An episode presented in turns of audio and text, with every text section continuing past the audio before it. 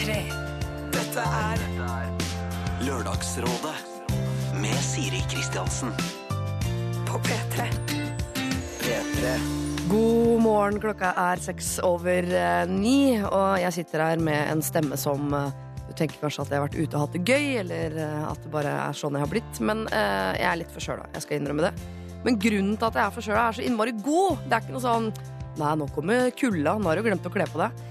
Jeg, altså, jeg er aircondition for sjøl. Jeg har vært i eh, utlandet. Jeg har vært på altså, det folk sier skal være den mest romantiske byen i verden, nemlig Roma, med lokføreren.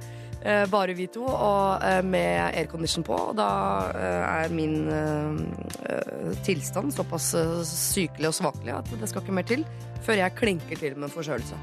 Kan noen ha noe med også at vi vandra galt langs timevis varmt og kaldt, regn og sol, oppe hele natta, blæ, blæ, blæ, hadde det så fint.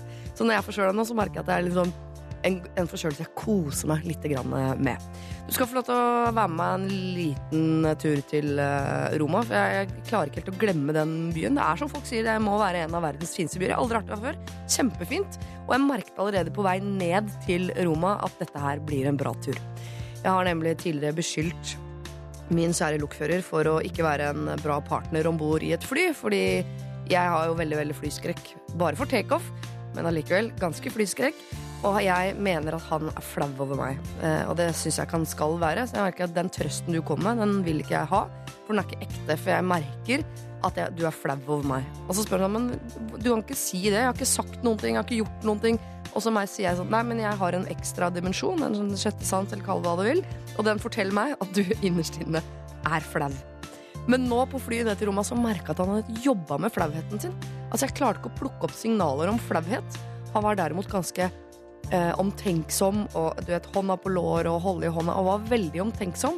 Og den der lille ekle hinna av flauhet var borte. Så allerede der merka jeg at dette her blir bra.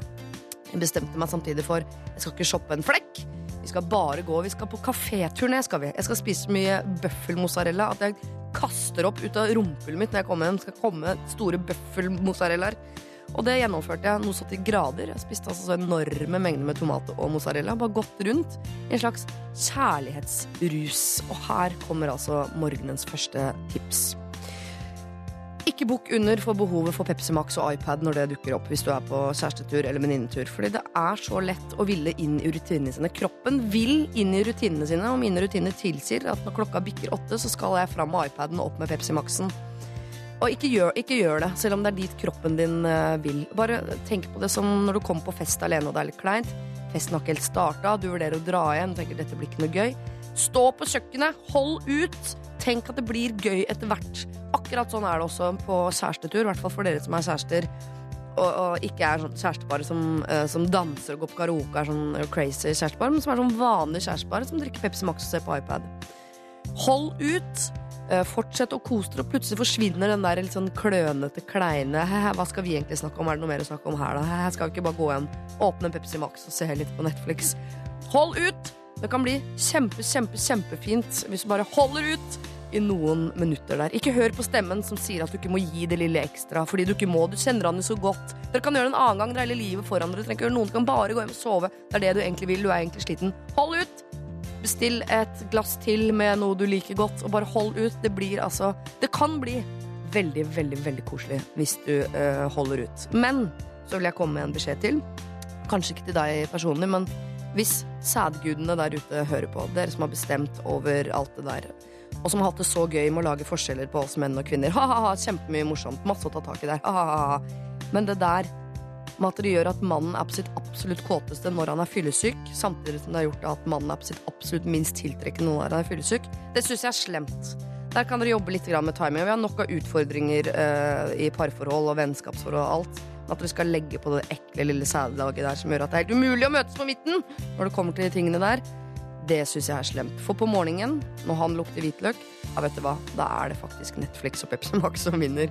Også her, selv om jeg vet at hvis man holder ut, så kan det bli koseligere enn det. Slutt å snakke om det, tenker du. Klokka er bare litt over ni. Jeg skal slutte med det nå, altså. Det blir rådgivning fram til klokka tolv. Men uh, før den tid så skal vi uh, ro bakover i tid, se litt åssen det gikk med Northug, som lurte på om han skulle til Italia eller ikke, for nok et skirenn. Vi har fått ny mail, og den skal du få høre straks.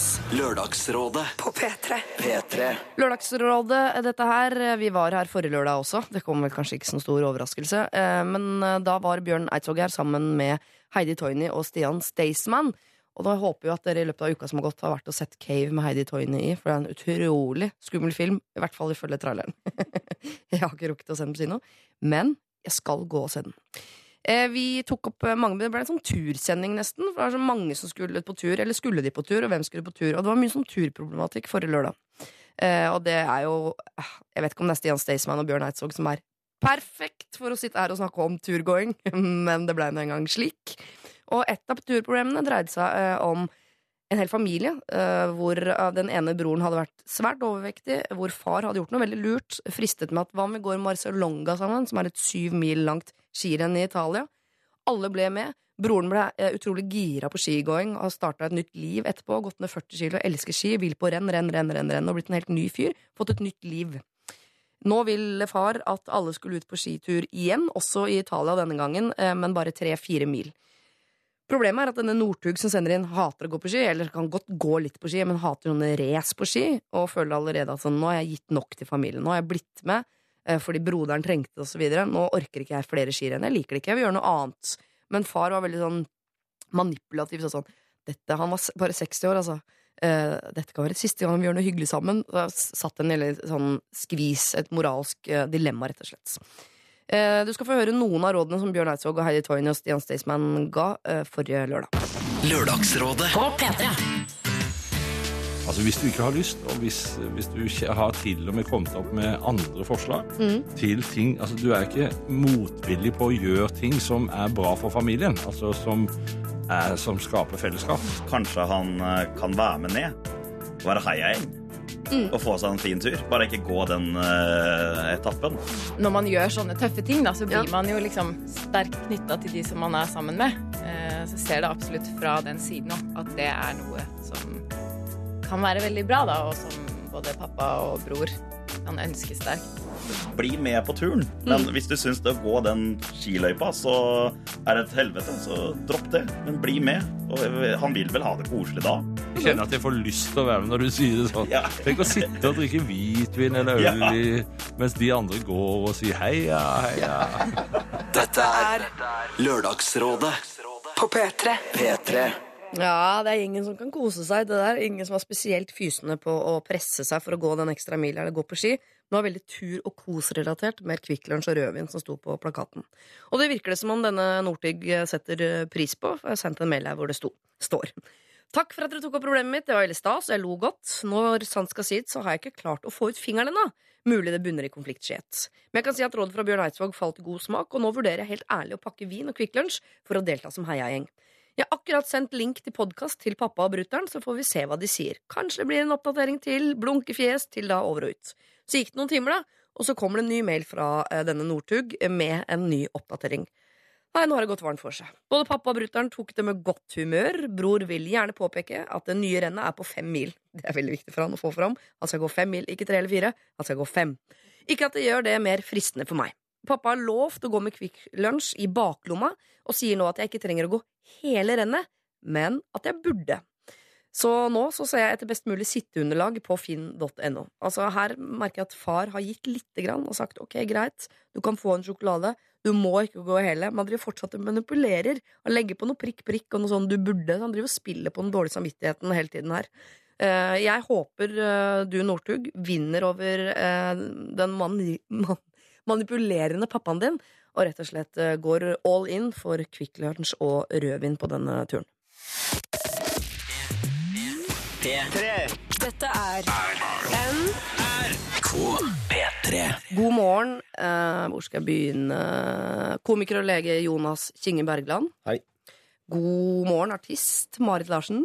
Hei. Og god morgen, psykolog Peder Kjøs. Hei, hei. Er psykolog riktig tittel? Det er så mange fra, altså, grener der nå. Psykolog er riktig tittel. Det er riktig tittel. Mm. Er den beskyttet? Ja, det er den faktisk. Ja, det er en av de. Så koselig. Hvilke grener er det? Nei, man kan være terapeut, samlivsterapeut, man kan være altså, gestalt altså, Det er så mange Man vet ikke, vet ikke lenger hva folk er for noe. Ja. Nå blir du skeptisk med en gang for allmennlegen. Mener det fins bare psykolog. Er det tull. Det finnes Nei, jeg, jeg bare lurte på om du skulle bi deg ut på sånn psykiatriker og sånne blandinger av uh, ting. Men er det forskjell på psykolog og psykiater? Det er det. Hva er det? Eh, Psykiater er lege som er spesialist i psykiatri. De har også grener, da. Legene. Dere er også grener, ja. Ja. Legene. Ja. Ja. Øre, nese, hals. Og så er det de som er bare knollen, da, som er psykiatere. På innsiden av ørenes hals. men Helt inni hjernen der. Og litt nedi hjertet. Ja. Innimellom. Mm. Ah, dette kan vi ikke gå gjennom, i hvert fall ikke på latin. Uh, jeg er mer nysgjerrig på uh, Jeg tenkte å spørre dere i dag, alle tre, hvordan dere er å krangle med. Og vi starter med deg, Marit Larsen. Hvordan er du når du krangler? er du like søt, på en måte? Eller? Nei, jeg er ikke søt når jeg krangler. Nei. Nei. um, men jeg liker best å krangle skriftlig. Ja. Det passer meg aller best. Fordi SMS. SMS? Nei, det er forferdelig. Um, jeg liker best selvfølgelig å, um, å få tenke meg om litt. Uh, særlig hvis jeg krangler med folk som jeg er veldig glad i, fordi jeg vet jo at de ikke er idioter. Så hvis vi er uenige, så er det ofte fordi jeg kommer inn med en misforstått persepsjon av hva det er de prøver å, å fortelle meg. Ja. Eller så er det idioter den dagen. Um, det skjer jo også. Ja, det Eller kan jeg. komme og gå, det der idiotigreiene. Men skriver du da altså Nå ser jeg for meg at du sitter på sånn forblåst sted på en knaus med en sånn blekk eh, og pergamentrull. Jeg skynder meg ut dit med en gang jeg blir stilt til veggs. Så bare teleporterer jeg ut i sånn forblåst eh, landskap. Ja, men hva gjør du? Skriver du ned? Sender mail, eller? Og får tilbake med en Eh, nei, men jeg kan, eh, jeg kan være flink til å si sånn Dette burde vi ikke snakke om nå. Eh, nå roter vi oss bort. Kan, Ja. jeg bare, kan jeg få sende deg en mail om hva jeg tenker? Er det Sende den én gang. Ja. Um, mm, bare fordi um, jeg, Særlig fordi jeg bare blir så frustrert eh, fordi vennskap og forhold så ofte er liksom Det er fundert i at man har og Man trenger ikke være enig hele tiden, selvfølgelig er man ikke det, men man har i hvert fall en forståelse av hvor den andre personen kommer fra. Mm. Så krangling kommer jo nesten alltid fra en sånn misforstått et misforstått sted. Ja. Mm. Så liker du å skrive. Hadde Jeg liker å skrive. Men krangler du med vennene dine? Humor. Humor, det liker jeg. Eh, jeg ler hver gang. Du ler av humor, du? Ja, hver gang. Ja, ja. Du burde gå og se standup. Nei da. Jeg krangler med vennene mine, men det, det kan jo være godt innimellom. Så bygger det seg jo opp ting også som man bare må, må blåse ut. Jeg er ikke så flink til å heve stemmen. Nei. Så mm, jeg kan sånn sitte passiv-aggressivt og vente til den andre personen er ferdig. Så bare OK, er du klar til å høre på meg nå? Men kan du bruke capslock i disse brevmailene du sender? Nei, nei. Ikke noe capslock? Nei, nei. Hvordan hadde du reagert på det, Jonas? Hvis, la oss si du var sammen med Marit Larsen da, et Mm. øyeblikk, Ja. og så skulle du krangle, og så får du en mail istedenfor? Eh, nei, det hadde egentlig kanskje vært litt ryddig. Jeg syns det høres litt interessant ut, jeg. Ja. Eh, Så går du til det, du nå. Ja Nå eh, Jeg krangler jo ikke så veldig mye, da. Men, eh, men jeg syns jo det er ok å Altså Når man skriver, så får man jo tenkt seg om ganske mange ganger. Ja. Sånn at du får en veldig god essens av det du egentlig har uh, lyst til å si i det du, du får uh, gitt beskjed om, da. Men hvorfor krangler du ikke? Fordi du ikke har noen å krangle med, eller fordi du er konfliktsky? Nei uh, Ja, jeg, jeg tror Det er mange år siden jeg har krangla med noen, tror jeg. Så deilig, ja. Mm. Det høres veldig deilig ut. Hva tenker du, Peder eh, Kjøs? Kan det være lurt å skrive, eller skal man noen ganger få blåse ut verbalt? Kan ikke det være litt Tenker jeg at det er litt sunt òg? Blåse ut litt? Ja, jeg syns det, det er veldig lurt også å skrive. For det, det, i det hele tatt er det lurt også å ikke egentlig blåse ut så veldig, men ha litt grann bremsekloss på. Ja. Det er kjipt eh, råd, men det er lurt. Men gikk, at blåse ut, gir ikke det litt energi som man kan bruke Nei, egentlig ikke. Det som veldig mye skjer da når det blåser ut, er at det blir krenkelser da, av det. Og man drar på litt mer enn det det egentlig er hold for, og at den andre ikke setter så stor pris på det. Så man krenker hverandre da, istedenfor å diskutere noen ting. Setter ikke partneren pris på å bli krenka? Nei, nei, nei, da må jeg gjøre alt om igjen. Søren, jeg må Begynne fra scratch. Unnskyld, unnskyld, unnskyld. Men hvordan krangler du da? For da virker det som du har fasiten, men klarer du å følge den selv? Nei, jeg gjør jo ikke det, men det de gangene, de gangene jeg gjør det skriftlig, så det er ofte mer konstruktivt, da. Ja. Men eh, nei, jeg krangler vel som andre folk. Jeg har sånne ikke-konstruktive utblåsninger som stort sett ikke er som stort sett ikke er noe fine å se tilbake på, og som ikke er nyttige heller. Nei. Men har dere noen gang trua med sånn Nå pakker jeg sakene mine og drar, aktiv? Spør du meg? Ja, det, det har vært der. Har vært der. Ja. Jeg gjorde det mye da jeg var liten. Ja. Jeg sparte opp uh, aggresjon mot mamma og pappa. Og så tenkte jeg sånn, sånn skjult uh, plan da, Ja. som, som jeg hadde. At når de hadde vært uh, urimelig lenge nok, så tenkte jeg nå gidder jeg ikke mer. Nå flytter jeg. Men jeg var jo åtte år, så jeg hadde ikke noe sted å dra. Men eh, du gjennomførte det, du rømte aldri en time? Nei, det var bare sånn Ja, hun bor for eh, seg sjøl nå. Ja, nå har dere rømt. Dere kommer aldri tilbake. Nei, De har ikke skjønt noen ting ennå. Pleide av Jonas, han var jo for bare noen år siden. Ja. Jeg rømte til Drøbak en gang, jeg er fra Oslo. Gjorde Satt du det? meg på bussen til Drøbak. Hvor gammel var du da? Eh, Jeg var, nei, jeg var nok 13-14 eller sånn. Altså, jeg, var liksom, jeg var der av og til i helgene. Jeg hadde sånne Viken-foreldre, hvis dere har hørt om det. Altså For folk som ikke er fornøyd med familien sin, så får de en ekstra familie i en annen by som de kan besøke av og til. Jeg fikk en sånn familie. Viken-familie i Drøbak. Så da dro jeg dit eh, plutselig en onsdag. Jeg var lynforbanna, dro dit. Men de skjønte jo selvfølgelig med en gang at hun var stikket hjemmefra. Og ringte jo mamma og sa det uten at jeg visste. Så det løste seg, på en måte. Men det er ganske det er deilig, da. Men Hadde du da med deg en sånn kjepp med tinga dine i et sånt tørkle på enden? Ja, ja. Gikk jeg barbeint hele veien bort fra Oslo. Lørdagsrådet På P3. P3 Fant opp Kicks med Foster the People eh, fikk vi der. Og eh, nå er Lørdagsrådet i gang i dag med artist Marit Larsen, komiker og lege Jonas Bergland og psykolog Peder Kjøs. Vi skal rett inn i uh, samlivsproblematikk, og da syns jeg det er relevant å vite hvordan det ligger an hos dere der. En liten sånn sivil uh, statusrunde. Uh, PD, begynner med deg. Gift i 20 år. Ja. Trives med det. Og så har du en skokk med unger, har du ikke det? En hel haug. Tre stykker. Tre stykker, det kaller jeg skokk. Gift i 20 år og tre barn. Marit Larsen, åssen er det med deg der for tiden? Jeg har kjæreste, men ingen barn. Har kjæreste, Er det en kjæreste? Vet vi hvem det er? Ja. Nei.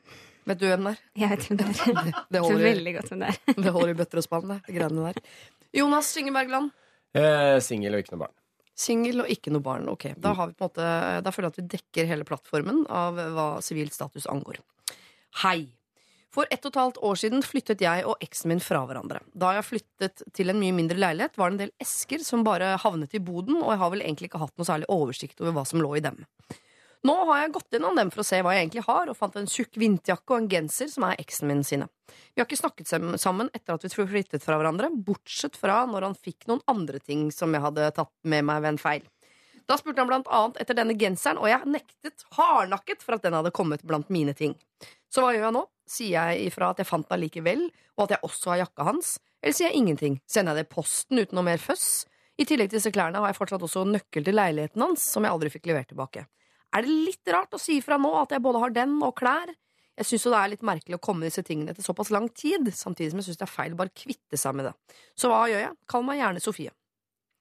Vi kaller henne Sofie. Uh, hva tenker du, Jonas? Jeg syns ikke, jeg, jeg synes ikke det høres noe vanskelig ut i det hele tatt. Jeg. Er det ikke bare å ringe og si at du, det, de klærne hadde jeg likevel, og jeg har også nøkkel, og det er Men Vil du ha det? Da plukker hun opp igjen en eller annen tråd hun kanskje ikke vil plukke opp. Det er en grunn til at ikke de har snakket sammen på ett og et halvt år. Ja, ok. Send en melding, da. Trenger ikke å ringe. Nei. Og så øh, få noen andre til å overlevere det, eller noe sånt noe. Altså, det er jo hans ting, så han må jo få de. Hvis han vil ha de, så er jo det litt synd hvis hun bare sitter og ruger på de. Altså, ikke kaste, i hvert fall. Kan ikke kaste de da. Få det levert på en eller annen måte. Ja.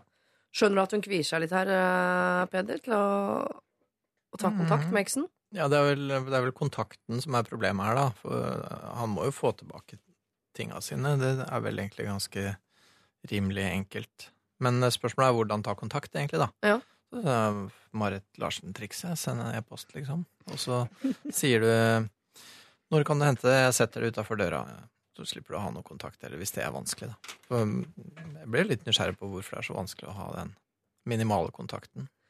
Jeg bare tenker at Den kontakten sender et eller annet signal. Hvis du sier det, da Det står en pappeske utafor døra. Så tenker sånn, Ja, ja, ja, du er ja. sur ennå. Herregud, er det mulig? Ja, ja, Sånn, men det er jo ikke sammen. Jo, Kan jo spørre hvordan du vil ha det, da. Mm. Ja. Hvordan Så jeg slenger ned en taxi nær hos deg, men alltid.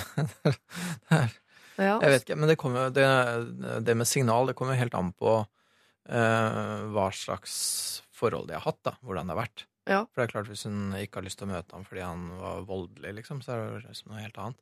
Ja, da håper, hvis det er noe sånt, så håper jeg at dere nevner det i mailen. For det, er, det tenker jeg at ikke er en detalj, men en slags faktaopplysning som vi må vite for å løse problemer. ja. Men hvis det bare er at det er kleint, liksom, så tenker jeg at øh, voksne mennesker må leve med et minimum av kleinhet. Det må jo bare tåle. Ja, kleint må man faktisk øh, tåle. Det har jeg tenkt mye på i det siste. Det er ikke lov å ikke gjøre ting fordi det er kleint. Mm. Hva hadde du gjort da, Marit? Jeg tenker at det er en klar forskjell um, på tinga her. Fordi klær, det, de kan ha blitt borte. Det kan han ha rota bort. Uh, uten at han Altså, han kan ha vært full og glemt igjen et eller annet sted. Men uh, nøkla til leiligheten hans har hun ikke lyst til å sitte på. på en måte. Det er, det er ikke riktig. Så siden det er nøkler involvert, så tenker jeg at eh, de burde leveres tilbake. Eh, man kan jo gjøre det på mange Jeg har ikke levert Man kan sikkert levere nøkler med post. Kan man det? Ja, det Litt av sånn der eh, boblekonvolutt. Ja. Eller har hun lyst til å sitte på det? Ja, ikke sant? Det er jo det, ja, da burde også det inkluderes i Det er jo kjekt å ha, da. Det burde vært sånn en del av problemstillinga. Ja, eller hvis det er en litt sånn derre Jeg klarer ikke å gi fra meg nøkkelen til leiligheten hans. Nei, det er en sånn link tilbake-type problematikk utover. Ikke sant? Eller låse seg inn på natta, flytte på ting. Mm. Og lukte på genseren hans. Men kan hun, hadde det vært litt gøy å låse seg inn i leiligheten hans og legge vinterjakka og genseren på bordet? Nei. Litt grann gøy? Ikke Litt, ja, det er kjempegøy. ja. Men uh, du får jo aldri se reaksjonen selv. Altså, du bare vet at du har gjort et eller annet helt sinnssykt, og så ja, men man har jo ringt på og stikket gjennom hele barndommen. Jeg lever jo på hvor gøy det var, selv om man ikke fikk med seg noe av det heller. ja, snudde du ikke og kikka Nei, På en vis, beina. beina. Men det hun føler på, Mm. er jo kanskje at um, siden hun ikke har da tatt seg bryet med å gå gjennom disse eskene før nå, eller bare ikke har tenkt på de, de har stått i en bod og langt borte og sånn, så er hun sikkert redd for at han skal føle at hun har sittet på disse tingene med vilje. At ikke hun Mm. klarer å gi slipp. Og det er jo et veldig tydelig tegn å sende hvis de har hatt en trøblete avskjed. Så føler hun seg kanskje emosjonelt egentlig veldig ferdig med dette. Og så, ja. Fordi Ting er blitt bevis på at hun holder fast. Hun vil egentlig si fra sånn Jeg har disse tingene, jeg vil at du skal få dem. Det er ikke et forsøk på å ta opp kontakten igjen. Jeg har ikke hatt et alter. Vi har ligget og sniffet på dette her i et og et halvt år. Jeg har ikke låst meg inn i leiligheten din og gnidd meg på sengetid. Altså, hun vil jo si fra veldig mye til en fyr man overhodet ikke kommuniserer med ellers. Man må skjønner ikke at det er litt vanskelig. si alle de tingene for å, at man skal skjønne at det ikke er tilfellet. ikke si alle de tingene. Nei, jeg sier det, men vil at han Jeg har ikke et alter. Jeg tror kanskje du har et alter. Alter? Det har jeg ikke tenkt på før nå. ok, så alle mener Det er ingen her som mener at hun bare kan kaste det? Nei. Verken nøkkel eller klær? Nei, nei, nei. Kan ikke det. Nei, det vil være hvis det er et sånt skrekkscenario som jeg var så vidt inne på, da. Hvis det, har vært et, hvis det er en forferdelig fyr, liksom. Ja, Som ikke fortjener verken nøkkel eller jakke fra noen? Ja, eller som hun ikke, ikke syns det er trygt da, å ha kontakt med på noe som helst Eller vis. hvis det var et veldig sånn stygt brudd, og hun var jævlig forbanna på han, så har hun gått glipp av en mulighet til å kaste alle tingene hans ut av vinduet. Ja, det er Og for hun kan gjøre det Ja. nå. Det kan sikkert være kjempedeilig. Ja, Som et slags ritual. Og så pælme jakka ut av vinduet nå, og ingen som ser på. Og så gå ned og hente det, så legge Ja. en taxi og sende det til han. Ja. Hvis du har noe sånn uh, underbygd aggresjon Sofie, mot eksen din, så benytt anledningen til enten kødde med han ved å legge det inn i leiligheten hans, eller kaste ut av vinduet, eller gjøre noe sånt. Men på en eller annen måte så syns vi at øh, i hvert fall nøkkelen, og dernest kanskje også jakka og, og genseren, skal tilbake til uh, eksen. Men skriv det i brev, et brev eller en SMS, og spør hvordan han vil ha det.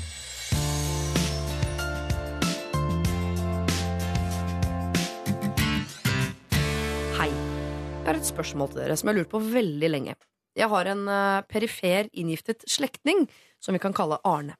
Arne var gift med en slektning av meg, men de er skilt nå. Arne har en nå voksen datter eh, med min slektning, så la oss kalle denne datteren for Camilla. Vi har ikke noe særlig kontakt med den delen av familien, og ingen kontakt med denne Arne. Da jeg var yngre, kanskje 13, ble Camilla og jeg venner på et slektstreff og utvekslet MSN-adresser. Jeg fikk Arne, altså Camilla sin far, sin adresse fordi Camilla ikke fikk lov til å ha egen mailadresse. Hun var ofte pålogget på Arne sin konto, og vi snakket sammen. Men etter hvert begynte imidlertid også Arne å snakke til meg, når Camilla ikke var der. Jeg husker ikke helt hva innholdet var, det er kanskje 12-13 år siden nå, men jeg husker at det var veldig ubehagelig og upassende at han så ofte snakket til meg, og jeg tenkte at dette var veldig unormalt. Husk at jeg var ung, 12-14 på dette tidspunkt. Etter hvert blokkerte jeg Arnes adresse fordi han snakket til meg absolutt hele tiden. Deretter tenkte jeg ikke noe mer på det. Men nå, etter å ha blitt voksen, så har jeg tenkt veldig mye over det. Hva slags fyr er denne Arne egentlig? Er han pedofil, eller? Hvorfor i all verden skulle han snakke masse til meg på MSN og spørre om ikke jeg kom på besøk snart? Burde jeg si fra til noen? Nå så lenge etterpå? Jeg har jo ikke så mye annet å vise til enn at jeg husker at han var kanskje litt ekkel mot meg på MSN da jeg var barn. Samtidig er det utrolig alvorlig om han har gjort noe mer enn å chatte litt med andre jenter på nett.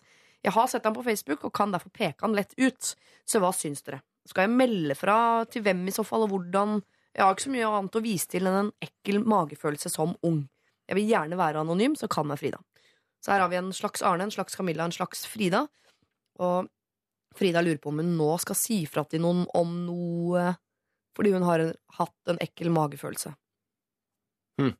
Jens Stoltenberg hadde jo sagt si fra med en gang, selvfølgelig. Men hva tenker dere? Jens Stoltenberg, ja. Ja, ja men han sier fra om alt mulig rart. han er gæren. Ja. Men uh, kan hun uh, alliere seg med noen andre i kretsen rundt Arne som kanskje har kjent han da de var uh, yngre, og høre om noen andre har plukka på de samme signalene? Så kan det være greit å måtte styrke teorien sin litt, i hvert fall. da Før hun eventuelt gjør noe. Ja. Skjønner dere at hun går og har litt lyst til å gjøre noe? Eller overdriver hun? Hva hva var beskjeden? Var det sånn 'komme hit'? Kommer du snart på besøk og Det er så vanskelig vet du, å vurdere det greiene der. For, fordi at hun, hun sier at hun ikke husker helt. Jeg tenker det kan vel hende at hun husker en del mer enn det som kommer fram her, kanskje. Ja. For det er jo veldig lite det vi får vite her, da. Og det har jo vært en følelse der, så det har vel vært antagelig noe mer substans, da. Og, Mm. det, og, og det høres i så fall veldig Det høres jo veldig ugreit ut, det. Men så er det hvem skal hun snakke med, og hva skal hun eventuelt si? Det er jammen ikke lett, det der. Men eh, har de møttes? Åssen Nei. var det? Nei. Jeg har ikke sett ham på mange mange år, men etter at hun ble voksen, så har man begynt å tenke på sånn Ja, men Skal man hun være så han da hun var liten. Ja, de hadde kontakta hun var sånn 12 til 14, og nå som voksen så tenker hun den kontakten skal vel ikke vi voksne ha med barn på 12 til 14. Ja. Her er det noe gærent. Men det er jo litt seint å si fra nå, men kanskje det ikke er for seint. Men har si jo- fra til hvem? Det er, det er jo det som liksom er det store problemet her. Ja. Det hun jo spør om når hun spør si fra til hvem, så mener hun om hun skal sende inn en bekymringsmelding et eller annet sted, eller om hun skal ta kontakt med familien. Eller et Ja. annet nettverk. Ja, men bekymringsmelding om hva til hvem? Hvem er det hun er bekymra for? Ah, det er vanskelig Ja. Ja, Det må jo være at han fortsetter å ta kontakt med unge jenter rundt Ja. da. ja, men hun kan jo ikke Hvor skal hun melde en bekymring om det? Ja, si det. Jeg vet ikke om man kan gjøre det til Lørdagsrådet? Til lørdagsrådet? ja, ja, ja, ja. Nei, jeg, bare, jeg prøver å sette meg selv på andre sida av den eh, glassveggen inne hos politiet når hun kommer inn og, og sier dette her. Det er vanskelig å gå til aksjon på en eller annen måte, men um, Mm. hadde jeg vært til politiet, det, har de vil jo da eventuelt ikke ha noe som helst å gå på, liksom. mm. Men hva gjør hun hvis La oss si at Frida går til, eh, til familien, da. Til ekskona, for eksempel, eller datteren, eller snakke med noen rundt han. Hva setter hun i gang i denne familien da? Eh, bare fine, ordentlig gode ting, hvor de rydder opp i det der på en ordentlig ryddig måte. Det tipper jeg, per ja. SMS og Ja. e-post. Eh, Det er eh, Ja. Nei, jeg vet ikke. Det kan jo potensielt så kan det sette i gang ganske mye, og det kan jo også hende at den setter i gang noe som absolutt burde vært satt i gang. Ja. Så, så det her er jo ikke godt å si. Men denne her For hun hadde da en kontakt med denne datteren. Eh, burde hun prøvd å fiske litt hos henne, eller? Åh, tenk å plante noe i datteren til en som har tenkt «Pappa, Jeg elsker pappa overalt på jord, så kommer det en eller annen og planter det sånn Men er ikke han en skikkelig grisetass, han Ja, faren din? du trenger så, ikke, du trenger jo ikke å si det, da. og hva skal man si for å fiske Jeg tror du må si den grisetass, ellers så skjønner du ingenting. Så skjønner hun ingenting. Ja. Nei, nei, jeg vet ikke. Jeg måtte prøve å ymte frampå at vi hadde litt kontakt. Og jeg liksom stussa litt på at han var så opptatt av det, eller et eller annet. Og så, da hvis hun, eh, datteren da, skjønner tegninga med en gang, så er det jo kanskje noe muffens, da. Ok, Jeg synes jeg hører at dere, dere ønsker at Frida skal få uh, fiske seg fram til noen flere liksom, varsellamper før hun eventuelt går og melder det et eller annet sted som vi ikke vet hvor Det er. er lurt å trippe adskillig rundt grøten her, altså. Ja. For vanligvis så sier vi sånn 'dette må dere snakke om', 'dette må dere snakke om', dette må dere snakke om, sier vi her i Lørdagsrådet, men akkurat her så sier vi til Frida at hun skal vente litt. Ja, være litt forsiktig, da. Ja. Nærme seg det her med Altså Det å kaste mistanke på folk har i hvert fall en tendens til å henge ved. mm. Så hvis den blir uttalt på noe vis eh, til eh, folk i nære relasjoner rundt han eh, Arne, da, så er det ekstremt vanskelig for Arne å bli kvitt den mistanken hvis det viser seg at den er eh, grunnløs. mm. Um, og det er jo ekstremt ubehagelig. Det er Ja. derfor jeg er skeptisk til å plante hos Camilla, som på en måte da har fått ødelagt bildet av sin far for resten av livet. Mm. På en annen måte. Og det er litt dumt hvis ikke det er nødvendig. Men du Men mangler, samtidig- mangler litt hvem, hvem hun eventuelt skulle ha snakka med, da. Ja, Og samtidig så, så ønsker jeg liksom at man skulle ha fått satt sagt fra. For tenk deg nabojenta da, som kanskje har truffet Arne litt for mye. Som hun, skulle ønske at Frida sa fra. Hun kan jo i hvert fall ikke ta kontakt med, liksom. Så det jo, hun kan jo ikke begynne å liksom etterforske dette her, eller liksom sjekke ut. Nei, Så, kan ikke gå inn i noen etterforskergreier. Men eh, kan hun ta kontakt med Arne, da? vanskelig for hvis han ikke er en bra fyr, da, så, så vil han vel antagelig bare nekte for hele greia her. Eller det vil han vel egentlig gjøre litt uansett, kanskje. Hadde du turt å sende brev til Arne, Marit? Dette er veldig, veldig vrient. Ja. Um, og vi har uh, jo få detaljer, og det er basert på eh, hukommelse og en ekkel følelse. Men jeg forstår utrolig godt nettopp dette at det er så vanskelig å vite hvor man skal henvende seg med dette.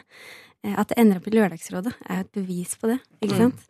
Hvor i alle dager Hun kan sikkert ikke engang føle ikke at hun kan snakke med sine egne venner om det. Fordi det også føles som en sånn Det er et barndomsminne, og nå er det så aktuelt, dette med dessverre, med voksne menn på internett, som da under eget navn eller oppfunnet navn sitter og kontakter unge. Og for alt vi vet, så har hun egne barn, ikke sant, og har fått en ny aktualitets... eh, Et nytt, eh, et nytt forhold til denne problematikken. Så det er, eh, det er veldig, veldig vrient. Det har jeg ikke tenkt på. Men altså, Arne har jo da muligheten til å være online som Camilla, 12-14 år. Har han hatt muligheten til å være i mange, mange år. Det kan jo hende han har benyttet seg av. Men jeg, bare, jeg er veldig obs på det som du sier, Jonas, i forhold til at, å plante noe på han hos andre som er kanskje ikke Som er helt grunnløst, og så blir han ikke kvitt det. Så jeg, bare, jeg er litt frista til at hun skal snakke med Arne, for å plante det hos han er jo ikke så farlig. Litt vrient. eh, Eller egentlig så er det veldig veldig vanskelig å liksom forholde seg til dette i det hele tatt når man ikke vet hva det er som har vært sagt. Den Mm. følelsen hvor ullen den egentlig er, og hvor mye, mye substans det er i den. da. Ja. Jeg, Men skal man ikke stole litt på den der følelsen barn får over at noe er ekkelt? Er det ofte ekkelt? jo, ikke sant? Og jeg, og jeg tenker vel at når innsenderen her skriver sånn, så tenker jeg vel at hun kanskje egentlig husker mer enn det hun har lyst til å fortelle til oss. da. Ja. Og at det kanskje egentlig ikke er så ålreit. Mm. Og Ja. hvis så, da burde hun vel i hvert fall melde fra et eller annet sted. Ja, det er klart, hvis, hvis han har vært skikkelig ille, liksom, så Ja. er det jo noe helt annet. Da- Ja, Hvis det er konkrete ting som på en måte leder mot eh, noe som er åpenbart kriminelt, så Mm. er det jo mulighet eh, for å si fra til politiet, selvfølgelig. Mm. Ja. Uh, Ja, det vil jo ikke ha noen Følge med på han her. Ja, men etter, etter mange, mange år så vil vi antagelig ikke ha noe særlig. Hva med Soldiers of Odin, da? Ja, kanskje kan ta kontakt med dem. Ja. Han der er han sjef, vet du. Ja, ja. Han har seminar han for de gutta der en gang i måneden. Mm. Dette er kjempevanskelig, Frida. Vi vet ærlig talt ikke En del av meg vil at folk skal bli flinkere til å melde fra om ting, om det så bare er en følelse. Samtidig som en del av meg er livredd for at man skal melde fra om noe som er helt grunnløst, og at man da ødelegger et liv, et annet liv på den måten. Så her er vi Vi vil at du skal gå i hvert fall forsiktig fram. Er det noe mer du egentlig husker som ikke du sier, eh, så må du ta det opp. Er det noen andre du kan snakke med? Er det en eller annen mulighet du har for å finne ut av om det er noen flere varsellamper? Er det noen andre som har snakket med han? Kan du, hvis du tør, snakke litt med Arne, eh, hva han egentlig tenkte på på den tiden, osv.? Ta og fisk lite grann før du eventuelt eh, melder fra.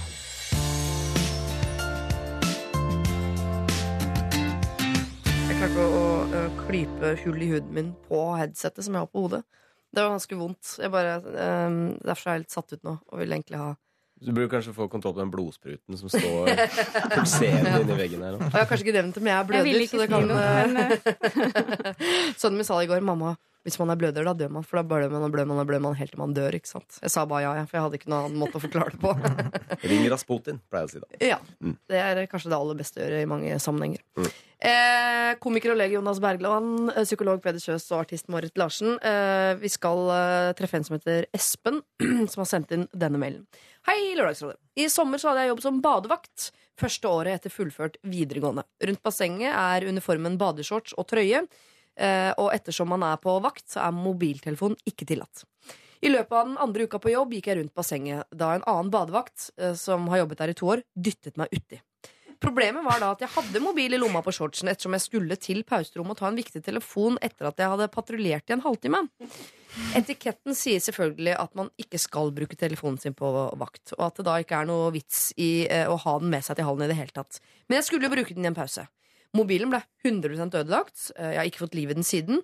Og jeg hadde tenkt å kjøpe ny mobil i løpet av det neste året, men dette kom veldig brått på. Så spørsmålet er har jeg rett til å kreve penger av kollegaen min for dette. Eh, Jeg har senere lært at det er tradisjon å dytte alle førstisene ut i bassenget. Men nå ble altså mobilen min ødelagt.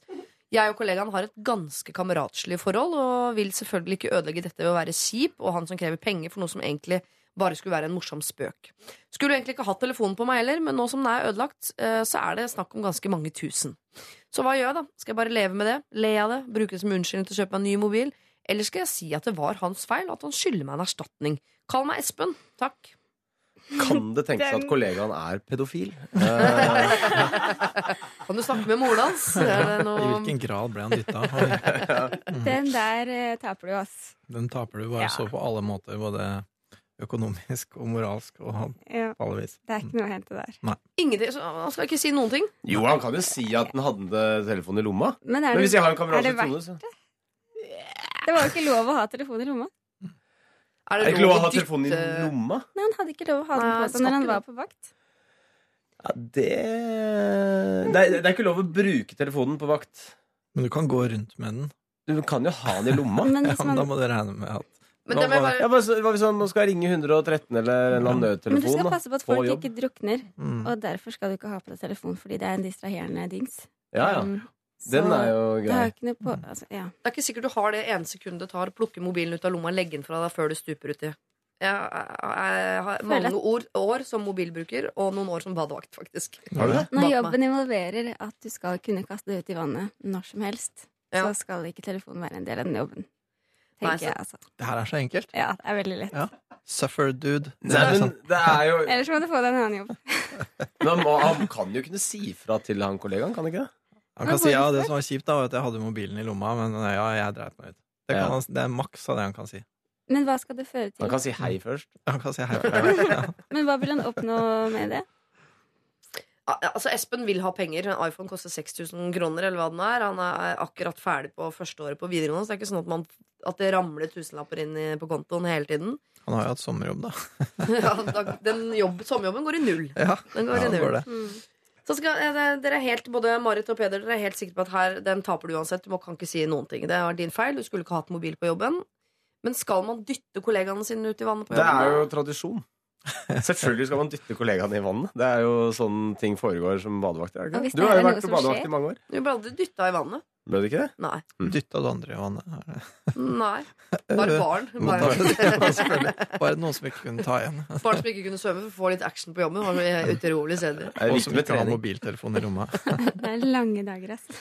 Men hvorfor mener du at han kan si fra, Jonas? Bare for, hva er vits med å si fra? Hvis du tenker at han ikke Nei, så det, kan jo være en sånn veldig søkt eh, håp om at han eh, kollegaen eh, tilfeldigvis er steinrik og kjempesensitiv på rettferdighet og sier sånn Klart jeg skal betale en ny telefon for deg. Sannsynligheten er veldig lav, men ja. Jeg tror ikke du blir steinrik hvis du er så sensitiv. Nei, men kanskje han har arva, da.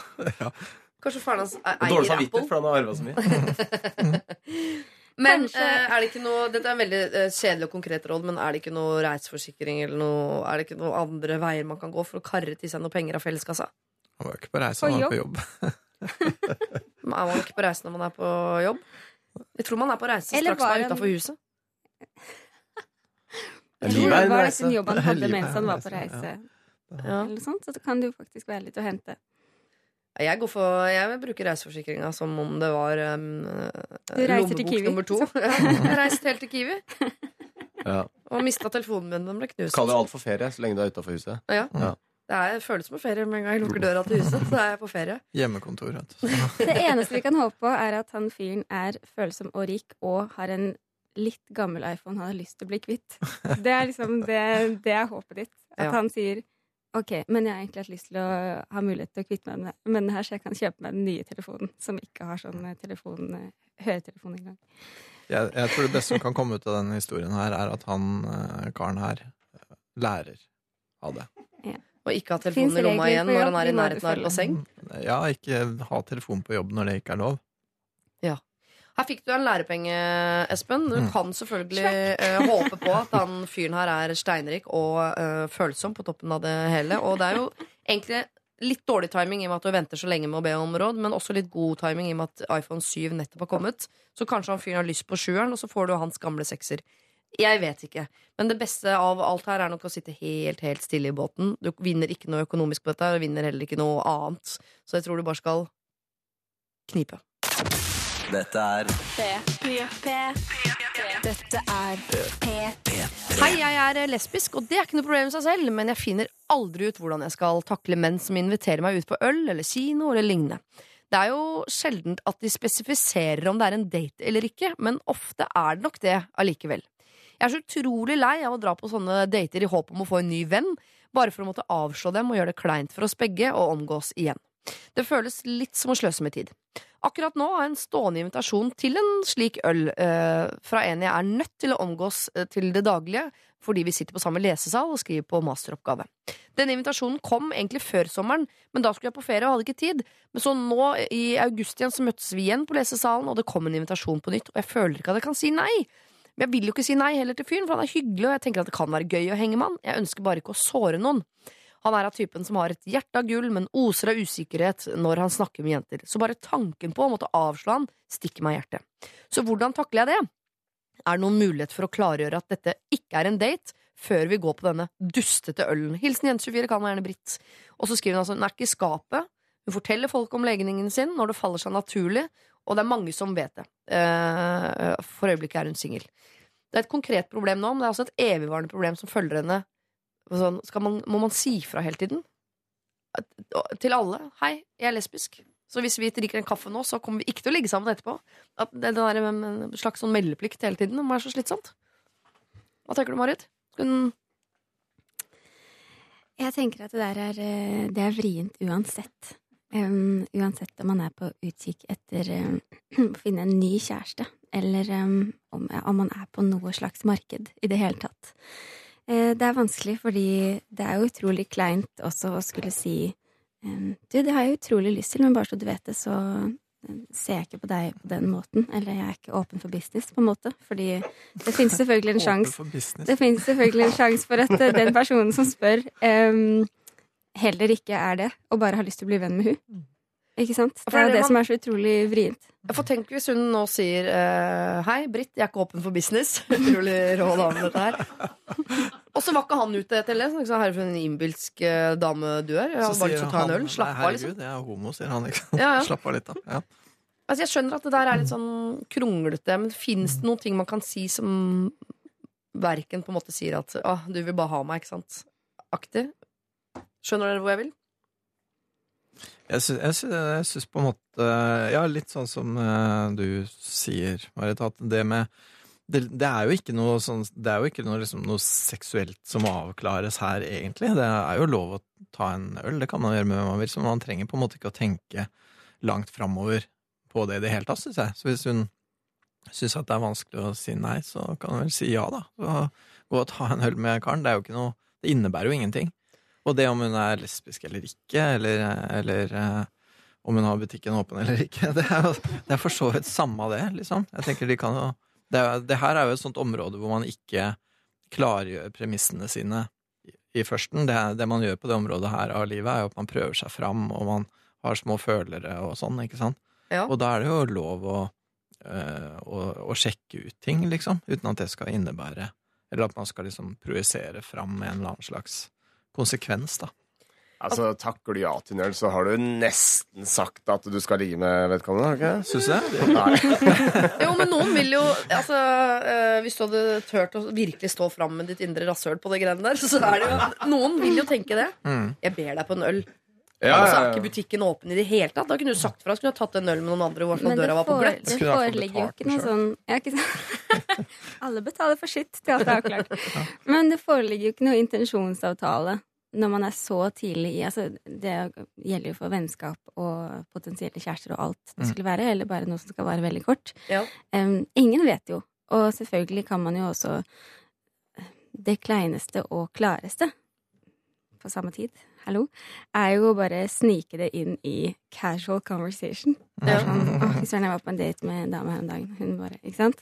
Men det føles sikkert litt sånn påtatt, og det er sikkert det hun refererer til også, at det føles som at hun da eh, antar at han eh, har tenkt Ja, har noe agenda med henne. Kan jo kle seg ut sånn at den er sånn helt sykt avslappa. Altså sånn komme i joggebukse og ikke gjort noen ting for å, for å pynte seg, liksom. Og sitte og rape og fise og sånn. Sånn at han Men bare bare lyst ja. For at han skal skjønne at hun er lesbisk, eller? Altså, Nei, er det for å skjønne at hun ikke prøver å flotte seg til for ham. Ikke sant? Bra. Men det er slitsomt også, da, å måtte tenke på det. Altså Hvis man skal bli venner, så må man jo være sånn som man vanligvis er. Men er det lov å snike inn en sånn Ja, og det er kjempehyggelig med øl, men kan vi møtes på um, eh, Kan vi møtes på den blå steinen i Bergen der? For jeg må bare innom eksdama og levere han en Levere en gammel jakke og en boblejakke og en det. Ja, og greier. Det høres rart ut. Det går ikke an å få inn eh, casual, altså. Går ikke an å få inn ordet eksdama casual? Nei. Ah, men jeg mener um, Kan fake at du har Tourettes syndrom og sier at du er lesbisk hele tiden. I sånne. Lesbisk! lesbisk sånn. Ja. Jeg er enig at det er ingen som har noe meldeplikt. Det spiller ikke noen rolle om, hun, om butikken er åpen, eller om hun er lesbisk, eller om hun har type, eller hva det er. Sant? Det skal være mulig for folk å bare gå ut og ta en øl uten at man på forhånd liksom avklarer eh, om dette her kan potensielt ende i et eller annet eh, i vater. Men hun, vil hun klare å kose seg på denne ølen når hun hele tiden sitter og tenker han er kanskje på date, han nå. På et eller annet tidspunkt så må jeg kanskje si det allikevel. Er det på øl nummer tre, eller er det når hånda på låret kommer? Eller... Nei, de er på samme lesesal. godt, ikke sant? Ja, det høres ut som han er på date, ass. Ja, jeg tror også han vil på date, men Ja. dette er et problem som går til å komme igjen og igjen og igjen, og igjen Mm. mange ganger i livet. Hvor hun føler at enten må jeg si fra nå, sånn at alt bare er avklart, eller så må jeg sitte gjennom det som kunne vært en hyggelig kaffe eller en hyggelig øl, og sitte og tenke på sånn når må jeg si det, når må jeg Men si det, Men du hjelper si jo han også ganske godt da hvis du spør forkant av den der ølen her. Bare sånn, du, her er, er det her ment som en date, eller syns du det bare er hyggelig å ta en øl fordi du har et alkoholproblem? Så Å, man gjør seg så, man gjør seg så vanskelig å spørre om. sårbar Ja. hvis man spør om det. Mm. Det er så vrient. Ja, men om, altså, eh, det er jo egentlig bedre det Hvis du spør på en kul måte at det er på en måte greit. Og da er det jo et perfekt svar å si at du er lesbisk, da. Enn hvis du er streit og bare ikke interessert. Ja, Men det er eh. Men, eh, Men hva skal han svare Britt hvis hun sier sånn er du, Vil du på date fordi du potensielt ser for deg at vi skal legge sammen, bli kjærester, få barn og gifte oss osv.? Eller er jeg det trenger bare ikke si øl? akkurat alt det. Nei, nei, men det er det, det han sier, da. hører, og da svarer han nei. Jeg syns bare det er hyggelig å ta en øl. Han er kjempenervøs rundt jenter. det hadde han sagt hvis det var en date òg. Ja, ja. Ja, det er det jeg mener. Ja, ja. Er sitter, men hadde må han noe- si nei, så sitter begge to og kaster bort en kveld. eh. Men altså, er det, kaster man bort en kveld bare fordi det ender opp med at man ikke skal bli sammen? Det her skjer jo hele tiden uansett. Ja. Altså, Jeg har blitt det er sammen med alle jeg har drukket øl Nei, med. det, altså, hæ? Jeg har ligget med alle, men jeg har ikke blitt sammen med alle. Hva er dette her bare for å være hyggelig? Er vi ikke på date nå? alle sammen? Jeg tenker at Så lenge du Britt, vet hvilken intensjon du har med å gå ut og ta denne ølen, så har du alt ditt på det rene. Men hvis du ikke klarer å kose deg gjennom daten, så kan du jo prøve å få sneket det inn på en eller annen måte. Men ah, det er vanskelig, ass. Hvis du har lyst til å ta en øl, ta en øl. Lørdagsrådet med Siri Kristiansen. På P3. P3. Lemetre med sin eh, aller nyeste låt, 'Playing to Lose', fikk du der. Og før det Astrid S med sin 'Hide'. Og før det igjen så uh, hadde vi et problem fra en som er lesbisk, og lurte på om hun må si fra om det hver gang hun blir bedt på en øl eller ikke. Hvordan man kan komme seg unna den kleine runden sånn. Ja takk, gjerne en øl, men husk at jeg er lesbisk. Uh, og så Masse gode råd, folkens. All honnør, eh, Jonas Synge Bergland og Peder Kjøs. Men Marit Larsen, du kom på noe ganske briljant, vil jeg påstå. Men litt for sent. Men du skal få lov til å si det nå. Eh, Ikke briljant fordi det vel er så åpenbart, Ja. men det finnes jo altså i basisinformasjon på Facebook Nå sitter jeg og holder telefonen for Ja. å vise frem alle som hører på radio.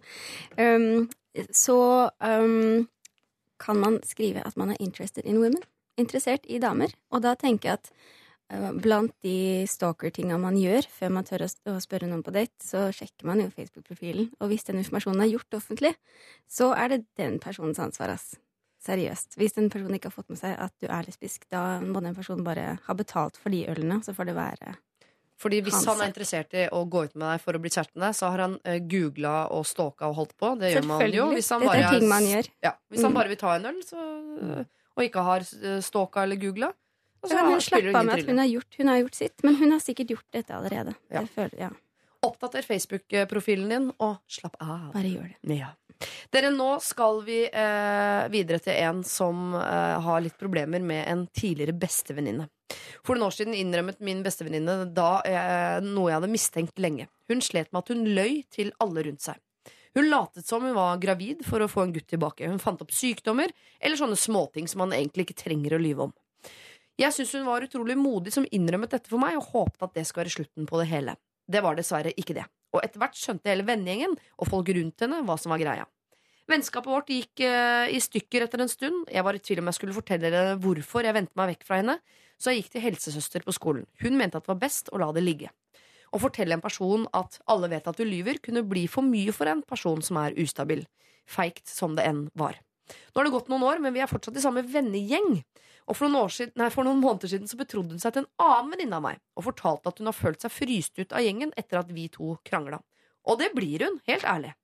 Jeg føler at vårt vennskap er over for godt, men jeg vil fortsatt gjerne hjelpe henne. Hvordan kan vi som vennegjeng hjelpe henne ut av lyvingen? Og burde man i det hele tatt slippe en sånn bombe? Jeg setter enormt pris på råd. Hilsen veldig usikker eksvenninne.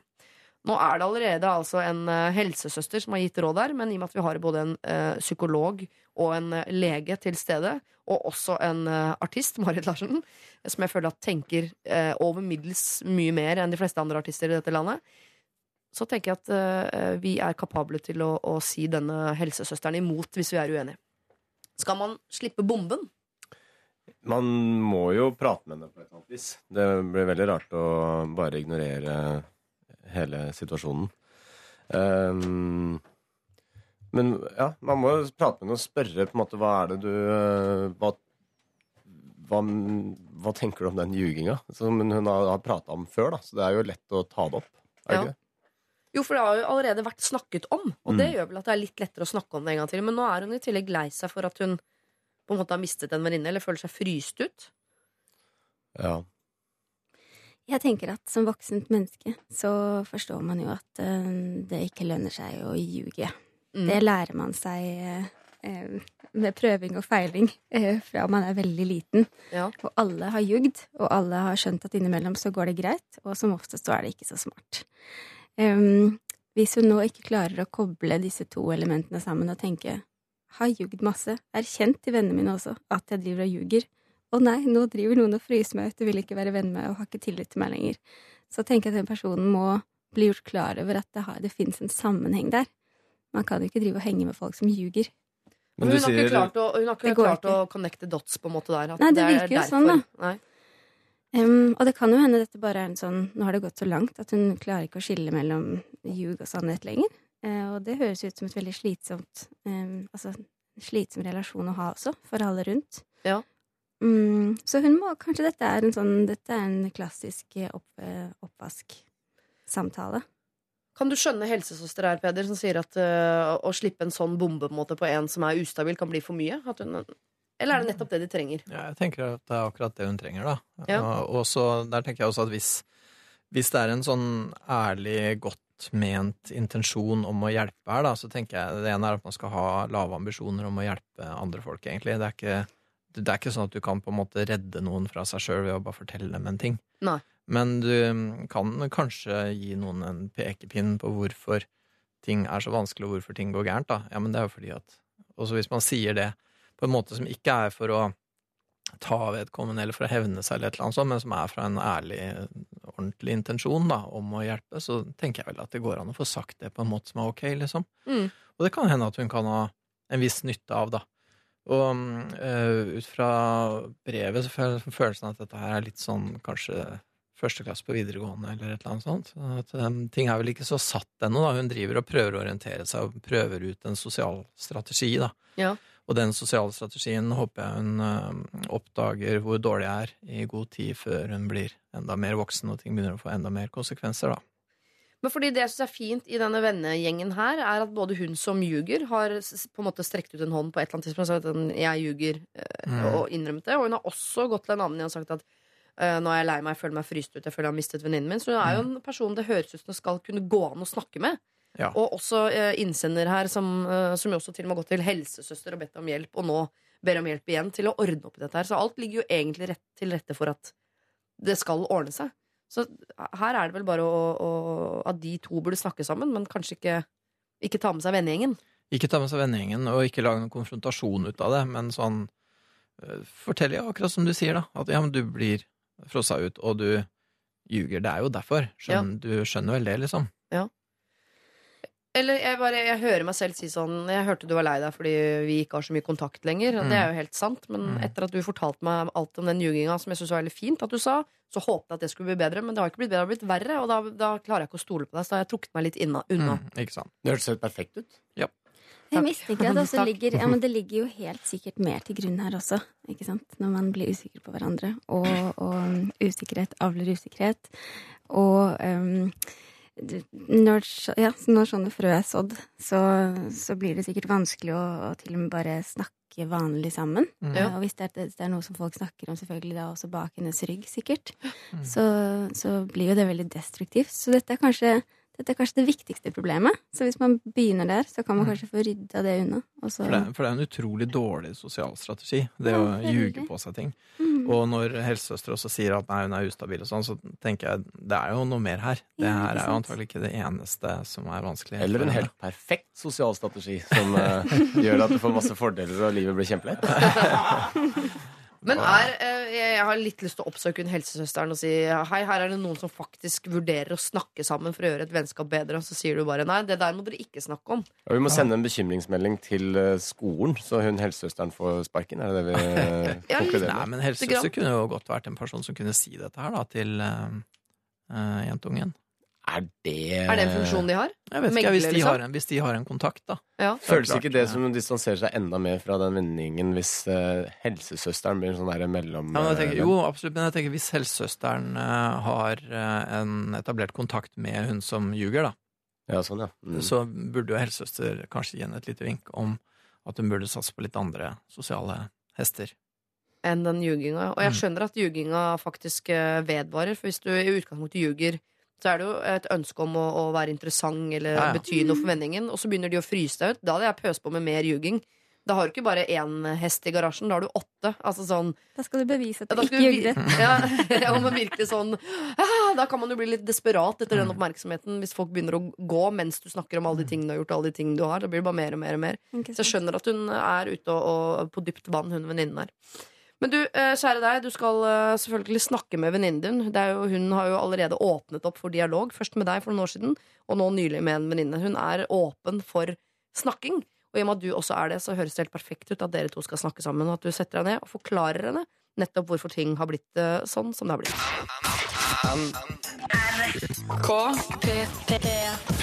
P3. Dere, eh, når jeg sier dere, så mener jeg Jonas Kinge Bergland. Lege, komiker, skiløper, eh, tegneserietegner. Er det noe jeg glemmer? Medmenneske. Det er masse ting du glemmer. Altså, eh, Gårdsgutt. Gårdsgutt. Ja. Treklatrer. Treklatrer. Ja. Tidligere nesten 71 grader nord vinner. Ja. Altså verdig Mm. 71 Venn. grader Venn i det hele ja. medmenneske. Fortalte oss nettopp at du skal ha hovedrollen i en musical. eh, Ja, ja, det også. Altså, jeg synger og danser hele tiden. Hele tiden. Det er. Utrolig bra. Jeg bare gleder meg til å se det. Altså. Peder Kjøs, du er psykolog, eh, far, bestevenn. eh, litt popartist nesten i det siste. Du har jo hatt Altså, det går ikke an å åpne en avis eller en nettside eller gå inn en dør uten at du står der. Skjønner du hva jeg mener? Man kan åpne en dør uten at jeg står der. Det er godt å vite. Det er godt å vite. Men eh, det blåser litt rundt eh, huet på deg om dagen. Det er en del. Det er en del. Det har blitt veldig mye oppmerksomhet rundt det der lille TV-programmet mitt. Og det mm, er, jo, det er jo kjempegøy. Det er veldig morsomt. Og Marit Larsen, som jo du har akkurat fortalt at du uh, ga ut en halv plate for et halvt år siden, og forrige uke en halv til. Nå har de to halve blitt en hel. Mhm. Og du sitter altså og søler kaffe på små visittkort som du legger inn sammen med alle vinylplatene. Indie for the win. Hvor mye kaffe må du drikke? Altså, er, blir det for mye kaffe om dagen? Det er mye kaffe om dagen, men det går bra. Det har jo utviklet seg til å bli sånn, Det er en ganske stor del av livet mitt, dette kaffekjøret, Ja. eh, som jeg er på. Spiser du banankake til hvert eneste Jeg vet at du er veldig glad i banankake. Eller bananbrød, heter det vel. Mm. Eh, ja, det er godt, det. Husker du ikke at du elsker det? Vi vil helst ikke snakke om det. Eh, Ingen Altså, jeg har kommentar. Jeg har stått opp klokken syv om morgenen for å tror. gå og kjøpe eh, banankake til eh, Marit Larsen for mange år siden. Det er helt sant. Ja. Jeg hadde skikkelig Jeg får litt sånn hekt på sånn mm, Banankake, men det er banankake. Det er som en, del, av- en av mine mørkeste synder. Nei da, jeg Ja. bare tuller. Um, ja. Ja, For du har mye verre ting enn det. ja, er det, er det gæren. Ja. Jeg er 33 år. Ja. Så du har drept kattunger, sant? Et par. Et par kattunger. Det var ikke med vilje. Var ryggavlen Ok. Nå skal vi snakke om andres vi- problemer. Ja, vi skal snakke om trøtte Trude, som har et problem som jeg tror Jeg vil ikke si at mange har det, men jeg tror det er ganske mange som går og tenker på det. Dette her ville vært et problem. Ja, det, er, det kan være et problem for meg, dette her, faktisk. Mitt problem er en daglig utfordring som starter så snart jeg står opp. Jeg er svært morgengretten og en treg person som setter pris på ro og stillhet. Jeg vil helst ikke snakke tidlig på morgenen. Jeg har daglige forelesninger på universitetet tidlig om morgenen. Jeg møter da en stor del av mine medstudenter på bussholdeplassen, og enda flere på bussen. Det er umulig å komme seg unna. Jeg har prøvd å proppe øreplugger inn før jeg går hjemmefra, men med det samme jeg ser noen jeg kjenner, føler jeg at jeg må snakke med dem. Jeg er jo en sprudlende og glad person senere på dagen, så folk tror vel at eh, jeg vil snakke også på morgenen. Men det er vel ikke naturlig for alle. Eller er det bare meg? Jeg vil helst bare våkne opp eh, Jeg vil helst våkne opp mens jeg sitter på bussen, med radio og ørene og bare være i min egen boble. Medstudentene mine er så glad, de kakler og ler før klokka åtte om morgenen, noe som for meg er helt unaturlig. Hvordan kan jeg løse dette problemet på en smooth måte? Det har gått så langt at jeg av og til tar senere busser og blir forsinket til forelesninger fordi jeg ikke orker å bråvåkne på denne måten. Det kan nevnes at jeg har prøvd å overse de på en troverdig måte, men noe sier meg at det ikke er en god løsning i lengden. Vi ses jo hver dag, så hva skal jeg gjøre? Hilsen trøtte Trude. Kokain. Sykkel! Du må begynne å sykle. Ja, men Hvis hun er kjempetrøtt, så vil hun jo ikke sykle Jo, men det er bra. Du, våk du våkner av å sykle. Du Ja. får være aleine. Du får um, litt vind eller regn eller sol i fjeset før du skal på forelesning. Eller snø. Også, Eller snø. altså piggdekk på sykkel. Har ikke hatt det selv. Vet at det er mulig. Det fins. Det er, det er mulig. Eventuelt, det slår meg altså, man, Hvis det er veldig mange studenter her, så kan man forsvinne inn i mengden. Har veldig god erfaring med um, støpte øreplugger med Ja. 15 desibel demping. Hører på podkast som jeg sitter aleine, stille i et rom. Um, folk må få lov å ha sin private tid. Det kan jo tenkes at uh, alle de her elevene egentlig ikke har lyst til å prate med henne, men at hun føler seg pressa til å prate, så det er hun som starter. Så alle de elevene tenker sånn Faen, er jævla skravlete der Ja, ja, Trude. skravletrude, må stå og prate med henne på bussen hver jævla Klokka morgen. åtte om morgenen. Det er ikke Ja. naturlig. Nei, Men det er hypersosialt å være student og, og skulle ha et sosialt ansvar for å skulle liksom bidra i den, eh, i den skravla fra morgen til kveld. Det skal ikke være nødvendig. Nå vet jeg ikke om Trude er det, men for en introvert person for eksempel, da, så er jo nettopp det der studentgreiene hvor det til enhver tid er en flokk rundt deg som skal kakle, det er en kjempeutfordring. Jeg skjønner, jeg støtter Trude veldig at hun har lyst til å være alene om morgenen. Men at det også, akkurat som den lesbiske stad, det er en slitsom ting å måtte si fra hver eneste morgen sånn 'Jeg kommer til å være glad seinere i dag, men akkurat nå har jeg lyst til å bare være for meg selv'. Man vil bare etablere en eller annen sånn forståelse, sånn at alle er helt enige om at på morgenen så er Trude for seg selv. Jeg mener det er lov å si fra det. Men hver morgen, da? Du trenger ikke å si fra så mange morgener før folk lærer seg det. Ja, men da blir det rare og Da blir sure. Ja, men da blir, det, da blir det eksentrisk, vet du, og det blir spennende og interessant. Nei, det tror jeg folk syns du er sær. Men, Men eh, bok, da. Bok. Ja, men jeg mener det er lov Folk å har være litt respekt for Altså. bok. Ja, men altså, du, altså, Hvis du ikke har respekt for uh, plugger i øra, så har du heller ikke respekt for bok. Det er mye lettere å Kan støpt bok. Støpe fast. sånn. Støpe fast en bok foran trynet. Nei, jeg, jeg, Um, jeg tror det er veldig mye mer rett fram løsning, da. Å bare si, vet du hva, jeg er så trøtt, jeg klarer ikke å snakke nå. Ja. Og det Man vet, kan vet si jeg det at funker smil, fordi at jeg gjør det sjøl, for jeg er ikke et morgenmenneske, Egentlig. Jeg gleder meg til å snakke med deg i lunsjen, men nå er jeg så trøtt at jeg, jeg, orker, Ja. jeg orker ikke å bevege leppene mine. Det mener jeg er lov å si. Eller Ja. bare 'Åh, jeg er så trøtt'. Nei, jeg klarer ikke å tenke det. Jeg er helt skutt. Eller komme med en eh, unnskyldning som gjør at uh, studenten kan relatere seg og si sånn 'Jeg er jævlig fyllesyk'. Ja, det er lov. Og da får ja, du respekt. Det er hver dag, hva- tre dager på rad. Så gjorde du kult da? samtidig. Hva gjorde du da? Er du oppe, er oppe for business, eller er det Å, husker en gang jeg var fyllesyk, og så er kakla i gang. Så er kakla. Nei, du må bare si eh, Nei, jeg klarer ikke å snakke. Jeg må ha meg en dry martini først. Men nå tar jeg den klassiske Man må respektere at for noen så er det å stå opp halv sju, sju, hva det skulle være, eh, også utfordrende nok til at man kanskje for noen er teknikken for å liksom klare å glede seg til bussen, eller å klare å våkne i det hele tatt og være klar til forelesning, er å ha snakka litt først. Mm. Og Ja. få satt i gang hjernen litt. Så noen trenger det også. Man må bare finne sine folk. Em, eventuelt klare å baksende et hjørne hvor det f.eks. sitter barn rundt. For barn skjønner at ikke de skal snakke til voksne med plugger i øra. Voksne skjønner ikke det. Nei, Det er en av de få tingene barn faktisk kan. Ja, så Det tar de på instinkt, men vi avlærer det i løpet av livet. Men jeg vet jeg er bakpå, men kunne man delt inn bussene i sånne områder? Stillesone. Det er sånn det er på toget. Ja, ja. Komfort, eller sånn NSB stille. Grettensonen. Ja. Eller sånn som 21-bussen, da. Eh, Om morgenen så kommer det jo de- De bare kommer og kommer. Mye oftere enn hvert femte minutt. Mm. kommer masse av de. Så rådet ditt er å begynne å ta 21-bussen? Nei, altså annenhver buss kunne vært sånn stillebuss. Ja, det var lurt. Det hadde vært veldig, For veldig de For det. introverte hadde det vært en fest. Den kommer til å bli full med en gang. Da. Så er det ingen på den der eh, På Jeg vil bare gi et sånn konkret eh, råd fra eget liv. I og med at jeg tar jo da tog i eh, 38 minutter på morgenen med mange av mine medbyborgere inn til hovedstaden. Eh, men der alle i sona er enige om at på morgenen, folkens, så er vi ikke venner, ok? Så alle sitter hver for seg. Men alle er enige om det. Det er veldig deilig. Alle har det samme behovet av en eller annen merkelig grunn. Men eh, hvis du må gi beskjed om at du vil være alene, så bare gjør det på en ydmyk måte. For jeg har også opplevd det sånn Jeg orker ikke å snakke akkurat nå! En sånn i ansiktet. Hun hater jeg fortsatt. Det er eh, fem, fire-fem år siden, og jeg blir fortsatt sur når jeg ser henne på gata. Hører hun på Lørdagsrådet? Det håper jeg. Ja. Eh, eh, nå veit du hvorfor jeg ikke hilser på deg. Jeg orker deg ikke. Hvis du står så sur for fire-fem år siden. Og jeg er langsint, så jeg var jævlig driti ut av deg. Du må ikke bli sur på en som er langsint, for da taper du i lengden. Eh, men eh, det jeg også bruker som et slags triks, er Jeg jobber med radio, så jeg skal evaluere en radiosending, sier jeg ganske ofte. Mm. Så, de bare Å ja, Ja, hva handler den om? ja, ja, ja. Ja, det en kjendis Nei, nei, nei, Eller nei, det- nei, ja. Skriver tekst akkurat nå. jeg, skal rett, jeg skal rett inn og evaluere et radioprogram, så jeg er nødt til å høre på. Ja, men Det kan Trøtte Trude gjøre òg. Si at hun uh, hører gjennom noen forelesningsgreier som hun skal forberede seg. Ja. Og så si at hun er på jobb, rett og slett. Jeg har også tatt den der, men da har det ofte oftest vært sant, da. Ja, men du kan gjøre det sant. Man kan Kan gjøre det når det er sant. Du kan si det når det er sant, og du kan si si det vet du hva, jeg skal inn og holde en forelesning, for, så jeg må faktisk. Men hun skal ikke holde forelesning, hun skal høre på. Skal høre på, ja. ja. Men- Jeg kan si det. Jeg kan si det. Da har vi løst dine problemer, Ja, jeg er Peder. Det er jo topp. Ja. Mm. Ellers kan du si at du har begynt å meditere. Jeg si. trenger 20 minutter for meg selv i stillhet fordi jeg har begynt å meditere. Mm. Ja, det blir en crazy meditasjonsgærning. Nei. Jeg mediterer, jeg er ikke crazy. jo, nå syns jeg Nå det. er jeg crazy, ja. Mm. Ok, Da har jeg et nytt problem. Vi skal sende det inn til lralfakrøll.nrk.no. Og det kan du også gjøre hvis du har et eh, problem. Men trøtte Trude, dette her ordner seg. Dette er Lørdagsrådet På P3. P3. Vi har fått inn en SMS fra en som heter Tarald, som snart blir 30 år. Han skriver Jeg kjøpte leilighet og flytta inn med dama i sommer. I starten var jeg ikke så interessert i interiør, men nå har dama overtatt hele styringa.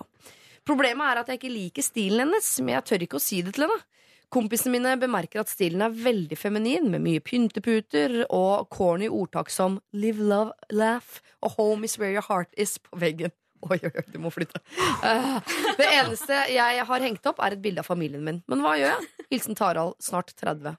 Dette er et problem dere menn sikkert møter ganske ofte. At dere blir fullstendig overkjørt på interiørfronten. Kjøp sånne bokstaver eh, vet du, som du kan sette på peishylla eller hvor som helst. Og så kjøper du AIDS. Ja, Eh, og setter i vinduskarmen, og så sier hun Men det der er jo helt uh, usmakelig. Ja. akkurat som Så stilen din. uh, home is where the heart is. Like ille som aids. Ja, men jeg, jeg, jeg syns jeg er jo enig. Altså, hvis jeg hadde pynteputer og liv Ja, jeg slutt jeg hadde jo gang, kastet opp og flytta. Ja, ja. Men kjente ikke de hverandre før de flytta sammen? Nei. Nei. Nei. Nei, sånn kan det gå. Men det er kanskje sånn ting man, sånn sånn, du kan bare flytte sammen på. man drømmer om at sånne ting skal gå over. Bare når hun blir kjent med meg og skjønner at min Nei, ikke sant. Altså, dette kommer til verre og verre. Snart så flytter inn eh, små glasskatter og, og dukker og blandegardiner. Og han, han må, Taran må stoppe dette nå. Sånne puter hvor det står 'love' på, for eksempel. Du må ikke ha engelskspråklige puter. Nei? Ja, men vi er helt bra Hvorfor, hvorfor har man engelskspråklige puter? Nei, det er, Hvem er det de putene det er for alle gjestene med? fra utlandet. De altså. andre Jeg putene. Ja, ikke sant? Skal kommunisere med de andre engelskspråklige putene. Ja. Men hvordan skal Tarald uh, det, er, det, er, det er lett å le av det, på en måte, uh, fordi det, man ser det så tydelig for seg. Tarald som går litt sånn mutter rundt i leiligheten, som er altså så jenteleilighet at det er til å få tannverk av. Men the struggle is real. Ja, ja. Herlighet, det er hans hjem også. Mm. Og hvis han ikke har sagt fra ennå, så må han i hvert fall gjøre det nå. Mm. Um, og kanskje hun egentlig liker ting som han uh, foreslår. Hun må bare bli gjort klar over det. Fordi noen damer, dette vet jeg, noen damer føler fortsatt i 2016 at sånn lage hjem, bygge rede, det er liksom damas ansvar. Men sånn er det ikke lenger. Ikke Bare- nødvendigvis, men noen steder, så Epleveien for eksempel, der jeg bor, så er det for, sånn. Ikke sant? Sånn Vet du hva bare- kjæresten din syns om din stil? Så Han heter den er det, ja. Nydelig vakker. Perfekt på alle mulige måter. Men du har ikke engelskspråklige puter? Du Absolutt ingen Nei, engelskspråklige puter. Bare norske. Jeg er bare ja. fra Saudi-Arabia, jeg. Ja, ikke sant? Så bare sånne aggressive korsting. Saudiske puter, da. Ja, nei, altså, man må jo bare si at du, det Jeg er ikke så fan av de greiene der. Eller gjøre slutt. Altså, jeg hadde gjort slutt med en gang, men uh, Så er du da singel også. Det er de viktige Ja, ja, ja. tingene i livet. Han har vært innom en del sånne leiligheter. dette går ikke. Men slutter hun hvis han sier slutt? Nei, sikkert ikke. Hun blir sikkert kjempesur og kjøper enda flere sånne dumme ordtak. Jeg får bare forslå et slag for den mailen igjen. Dette er typisk sånne ting som Han kan sende da en mail. Ja. Nei, men altså, ok, Eller et brev, eller hva. Men jeg bare føler SMS. Det, det er sånn, Da tenker man at folk skal svare kjapt. Mm. Hvis du sender en mail og sier Hei, kjære. Nå har vi vært sammen en stund. Jeg syns du er verdens råeste dame. Jeg Um, syns jo ikke det. jo, jo, han syns jo det. Han er jo sammen. Ja, men han er jo sammen med henne. Bare Jeg eh, syns du er så det, Jeg elsker å bo sammen med deg, men jeg føler meg ikke hjemme. det. Du vil at han Ja, skal ljuge. nei, nei, nei, Jeg liker deg naken i det Her må man liksom legge godvilje til. Og bare si Jeg syns du er en rå person. Igjen. Starte med det bra. Og så Høres si ikke ikke helt, høres ikke helt rå ut, hun dama. Jo, men kanskje hun er rå, men har ræva smak. Altså, akkurat på interiør. Ja. Det får være greit. Men han setter på Instagram og tenker dette funker. Dette, dette kan han knipse og vise til vennene sine. Så kommer de til å synes det er topp. Eh, Dette er ikke tilfellet, men det vet ikke hun. Nei. Bare si 'jeg føler meg ikke hjemme'. Jeg tenker at Det er, no, det er et triks som det er funker på alle. Ja. Mm. Jeg føler meg ikke hjemme. Jeg lå- setter nøkkelen i døra. Føler meg ikke hjemme der. Kan vi snakke litt om eh, interiør? Jeg føler litt, For eksempel hvis han flytta inn i hennes leilighet og hun allerede bodde der, så Ja. kan det være vanskeligere. Men bare um, det hadde vært utrolig kult om vi kunne ta en prat om det her. Hvis jeg hadde fått en sånn mail, hadde jeg bare lagt meg flat og sagt selvfølgelig. Jeg vil at du skal følge deg hjemme, så du er hjemme mer. Så du kommer tidligere fra kontoret. Og, ikke sant? Det her, kan blø, det her kan bli kjempebra. Det kan påvirke masse andre ting. For vi er enige om, bare for å ta det interiørmessige, da, som jeg er mer opptatt av enn selve forholdet og følelsen og alt det andre oppi det her. De må bli enige om en felles stil. Hvis det er sånn han liker ikke hennes stil, da må de bli enige om en stil. For man kan ikke møte dem sånn Å ja, du skal ha blomstrete puter. Da skal jeg ha et totempæl av et kjempemannelem stående i stua som er skåret ut i tre, gnagd i Uganda. Det skal jeg ha i et hjørne. Og så skal jeg ha en motorsykkel på veggen eh, og rød skinnsofa. Altså det, man kan ikke merge de to verdenene der. Jo, så jeg de må mener bli at man enige kan om det, da. Jeg, ja, ja, jeg er imot stil, da. Jeg syns ikke man skal ha en enhetlig stil. Å, herregud, du hadde jo dødd hjemme hos meg. Det er så enhetlig. Og stil. Men hva kan, det, kan man bli enig om en litt sånn nøytral Noe nøytralt? Det fins ikke noe nøytralt. Kan jeg få komme med et drastisk forslag? Nei, nei, ingenting er nøytralt. Ah, den skandinaviske stilen er ganske nøytral. Eh, Mange vil ikke mene det, men eh, Androgyn og nøytral. Men hvis man da hvis, si at Nå vet vi ikke om dette stemmer, men hvis problemet er at hun bodde der allerede, Mm. så kan det jo kan det være utrolig romantisk og viktig og fint å kunne Kanskje man skal selge hele leiligheten i det hele tatt? Kanskje det blir for kronglete å skulle dra ned de der grusomme orda fra veggen?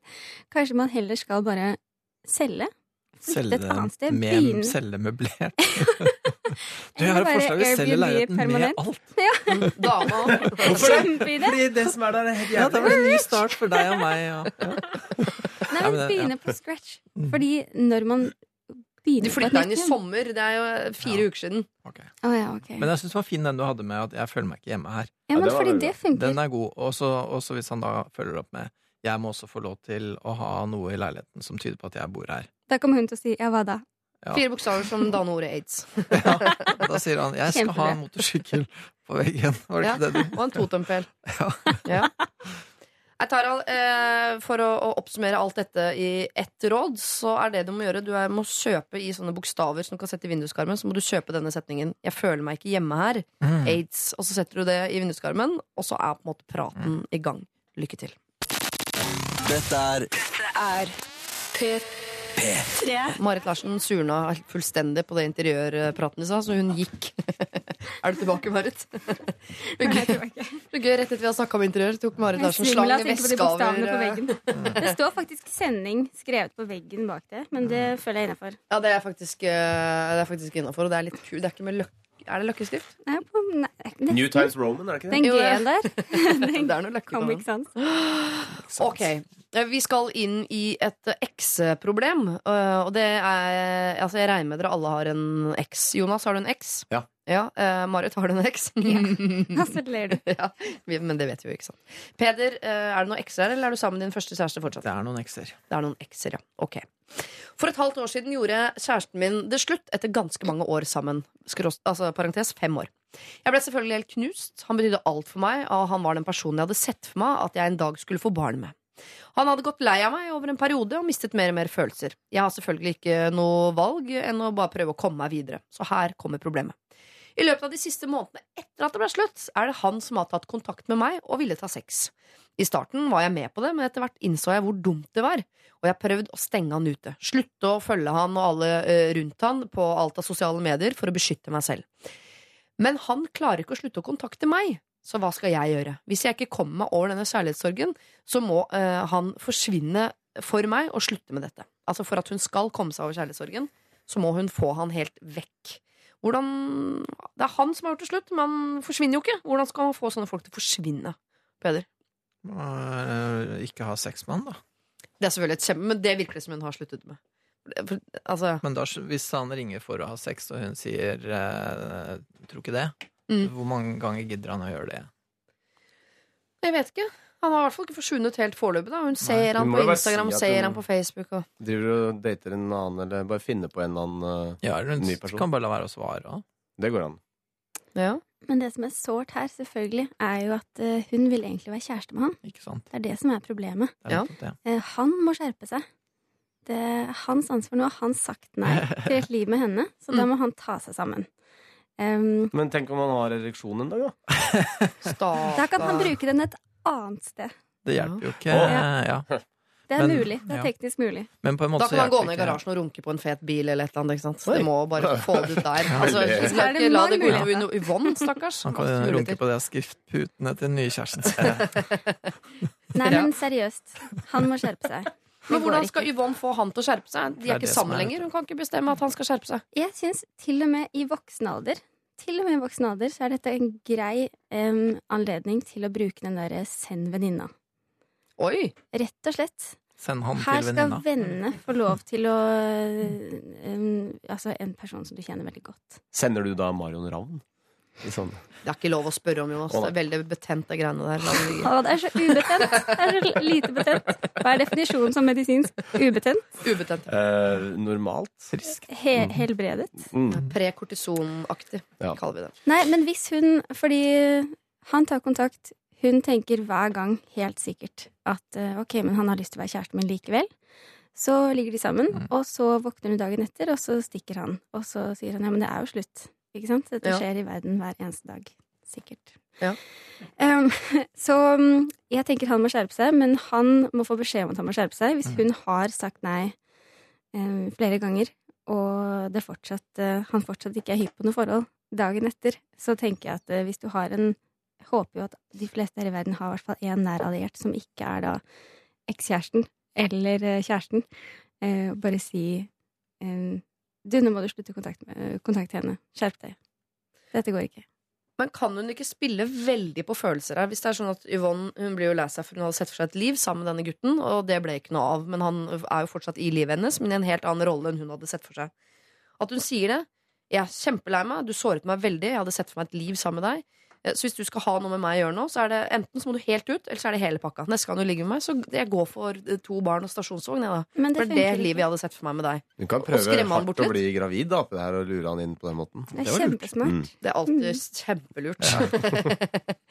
jo, men å være ærlig på sånn eh, hvor utrolig lei seg han er, og hvor vondt det gjør at han inn, kommer innom og minner henne på det livet hun ikke fikk med han hele tiden. Men Mm. det tror jeg han veit. Tror du det? Det er det som er så destruktivt med opplegget her. Altså, han kan liksom finne seg hvem som helst andre. Kan han det? Altså, er han så sikkert. rå Nei, dette vet vi ikke. Nå ser jeg for meg han som liksom den heiteste fyren i Men uansett, det har jo ikke noe å si. Men selvfølgelig er hun lei seg. Han har jo gått fra henne. Jeg vet ikke, men Hvis hun har liksom sagt det nå når han har kontaktet henne og sagt det, skal vi ligge sammen, og hun har sagt sånn ja, ok, det kan vi godt gjøre, så er sett det sånn, det «Å, han det det det Tror du ikke det bare Så tenker han at det er greit, da. Hvis Nei, hun hva var det jeg skulle sagt igjen? Skal vi jo, men det virker, Han har kontaktet meg og ville ta sex. Det, her. ja, ja. det virker som Da kan hun si nei takk. Men der tror jeg du uh, bare peker på den helt rette tingen. At det er jo det er helt riktig at han må skjerpe seg, men gitt at han ikke gjør det, da, Mm. så er det faktisk hun som ikke liksom egentlig tror helt på sitt eget nei, da. Ja, selvfølgelig. Mm. Og det, og det er ikke forståelig, så og det er, heller. nei, når og det er ikke sier så vanskelig å forstå. Nei. Men det er, det er litt der hun må begynne. Mm. At hun må på en måte bestemme seg ordentlig for om hun fortsatt skal være tilgjengelig eller ikke. Det lureste her vil jo være Yvonne, å overhodet ikke være tilgjengelig. Men Nettopp. har man sånn konkrete råd på hvordan være så tydelig at til og med eksen skjønner her Ikke må jeg bare holde meg unna? Ikke svare. Et forslag. Før man ikke svarer, si ja, 'dette funker ikke for meg lenger'. Mm. Helt enig. Og så ikke svare, og bare ordentlig la være å svare. Og Mm. så, Yvonne, prøve å sette tankene på noe annet. Og hvis man foretrekker å bruke en venninne til det, så kjør på. Jeg tenker det er lov med hvilke som helst Mm. eh, triks som kan gjøre det litt lettere. Og så date en annen. Det er jo også kjempelurt, men det er Mhm. kanskje, eh, kanskje den ikke er helt der ennå. Kanskje hun skal få Nei, seg men en lat hobby som først. med noen, du. kan late som Ny det. TV-serie, et eller annet annet. Mm. Jeg foretrekker å bruke min aller beste venninne, nemlig eh, fru SMS, på dette. Jeg ville sendt en SMS til han om at eh, Fordi nå Mm, han ikke har sant? dumpet deg, Yvonne. Mm. Nå er det din tur til å dumpe han Mm. tilbake. Ja. Fordi han har ikke dumpet deg helt. Han holder deg på gress. Det er ikke bra, det er ikke sunt for deg. Du kommer bare til å bli lei deg. Så må du dumpe han sånn hardt og brutalt på en eller annen måte. Det trenger ikke være hardt og brutalt heller. Det kan være bare det her blir for vanskelig for meg. Det er bedre at vi ikke har kontakt i det hele tatt. Så fra nå så svarer jeg ikke på noen ting, for det blir bare vondt for meg. Skriv akkurat det, og etter det så svarer du ikke på noen ting som helst. Uansett hva han skriver, så svarer du ikke. Han må rett og slett bare få den kalde skulder over tid. Og du, ikke ligg med han i hvert fall. Det er skikkelig, skikkelig dumt. Og nå skal vi eh, løse, prøve å løse et problem som kommer fra Malin. Malin har egentlig ikke sendt inn dette problemet til oss. Eh, men det har seg sånn at Lørdagsrådet en gang i måneden er på Det andre teatret i Oslo og har en slags sånn impro live-forestilling der. Og da ber vi publikum om å skrive problemene sine på lapper. Og så går vi gjennom de litt fortløpende i løpet av eh, forestillingen. Men dette her var altså så godt at jeg syns det, eh, det, er, et for gøy problem til at bare de 150 skulle få gleden av det. Så Derfor så deler jeg det nå med hele, hele Norges befolkning som sitter benket foran radioapparaten sin og må høre alt. Ok. Jeg er en jente på 23 år som, på, som går på Tinder-dates flere ganger i uka med forskjellige menn. Gutta betaler mat og andre kostnader hver gang. Jeg tilbyr meg alltid å betale, men jeg gir meg lett. Nå vurderer jeg å starte en sparekonto ved å overføre pengene jeg sparer på hver eneste date, ved å ikke betale. Er det uetisk eller rett og slett genialt? spør Malin. Sparekonto? Altså, sitter hun og skriver ned hvor mye den daten kosta, eller kunne kosta? Hvis vi skulle splittet denne regningen, så burde jeg ha betalt 548. Da tar hun rett overfører til konto. 548 rett inn på Tinder sparekontoen. Jeg syns det høres litt artig ut. Ja, kjempelurt. Spare penger er smart Ja, ja. uansett. Så kan date enda mer, så kan du spare utrolig mye. Ja, ok. Mm. Ja, da skal vi høre Nei, men Er det så enkelt? Er det ikke noen som får noe litt sånn eh, jeg vet ikke Spørsmålet er jo hvorfor hun går på, hvorfor hun går på Tinder-date. Hvis hun ender opp med å date utrolig mye mer fordi hun vet at da ender det sjukt mye mer penger på sparekontoen. Hun kan jo sette de pengene inn der uten å gå på date. Hun kan jo det. Ja. Man kan jo overføre det til litt mer hverdagslige Ja, men hun sparer jo penger ved å spise gratis på alle disse datene. Så sånn sett så, Så du går du jo på date hver dag. Ja. Lunsj og middag hver dag. Og så så lenge hun bare dater disse folka én gang, så fordeles jo hele belastninga utover det ganske land. Da. Sånn at du, eh, det er ikke sånn noen som får svi noe voldsomt. Og hvis de får ski, så har du vel råd til det, da. Ja. Men det overrasker meg litt, fordi jeg føler at uh, siden uh, Eller det føles unorsk at uh, menn betaler for middag på date hver Er gang. Er det Særlig nå i den Tinder Nå, har ikke nå rakk ikke jeg å komme meg på Tinder før jeg fikk kjæreste. Det gikk så fort. Men Det, eh, gikk, det var så lett for meg, det greiene der. slag, altså. Null stress. Kan jo velge å vrake, vet du. Jeg ville ikke si det sjøl. Nei, men eh, så Jeg har ikke prøvd det. Nei. Men det er noe sånn for meg som bare ser det utenfra som en alien, og på venners telefoner, så er det noe sånn hardt og teknisk med det også. Det at man eh, sveiper og velger og Jeg syns ikke det er det samme som å gå inn i et rom og se på noen man syns har fin utstråling, eller han er kjekk, eller Det blir jo litt mer teknisk, og det er jo flere venner av meg som går på Du tar liksom drinken med én person og middagen med en annen på samme kveld, for eksempel. Eller da, kanskje, kanskje ikke de to. Hva da? Kaffe. Trikken? Er det en del? Drinken. Drinken. Drinken, ja. Du tar trikken til med- Er det ikke det Ta Tinder er? Du har velger noen å ta ta trikken med. Ja. Ikke vi ta trikken sammen? for Jeg skal på en date. Nei, men sånn kaffedate tidlig på dagen og så en middag med en annen for å helgardere type ting. Mm. Og det syns jeg bare det, All respekt. Og selvfølgelig veldig gøy. Jeg får lyst til å skrive en roman om en, et Hva sånt med en sang med litt kassegitar til? Eventuelt noe følsom vokal. Um, men å følge en sånn person i en måned får sikkert utrolig mye kule historier og sånn, men- og mye rart. Men um, det blir jo ganske teknisk hvis man tenker at, um, at man skal spare penger og man skal spise gratis. Ja, for jeg har ingen problemer med det økonomiske. Jeg er enig at det er genialt og gøy å ha en sparekonto som heter Tinder sparekonto, hvor det bare bygger seg opp masse penger. Men samtidig sånn, når du allerede er inne i en sånn teknisk måte å møte kjærligheten på, som jo Tinder er, blir det enda mer teknisk hvis du i tillegg skal spare penger. At kanskje du rett og slett den dagen du sitter over en kaffekopp med mannen i ditt liv, så ser du det ikke, for det eneste du tenker bare sånn Jeg lurer på hvor mange hundrelapper jeg skal føre inn på Tinder-kontoen min i dag, og hvor mange jeg kan spare i morgen. At man på en måte man glemmer helt liksom kjærlighetsaspektet oppi det. At det bare handler om å, å, å drikke kaffe og spare penger, på en måte. Strategisk glemming, vet du. Det er en måte å ta alvoret ut av datingen på, fordi at hun ikke tør å konfrontere sin egen ensomhet og kjærlighetslengsel. Så hun gjør det så teknisk som mulig for å slippe unna det eksistensielle innholdet. Ja, men Kan det da resultere i at hun aldri åpner opp hjerteklaffen?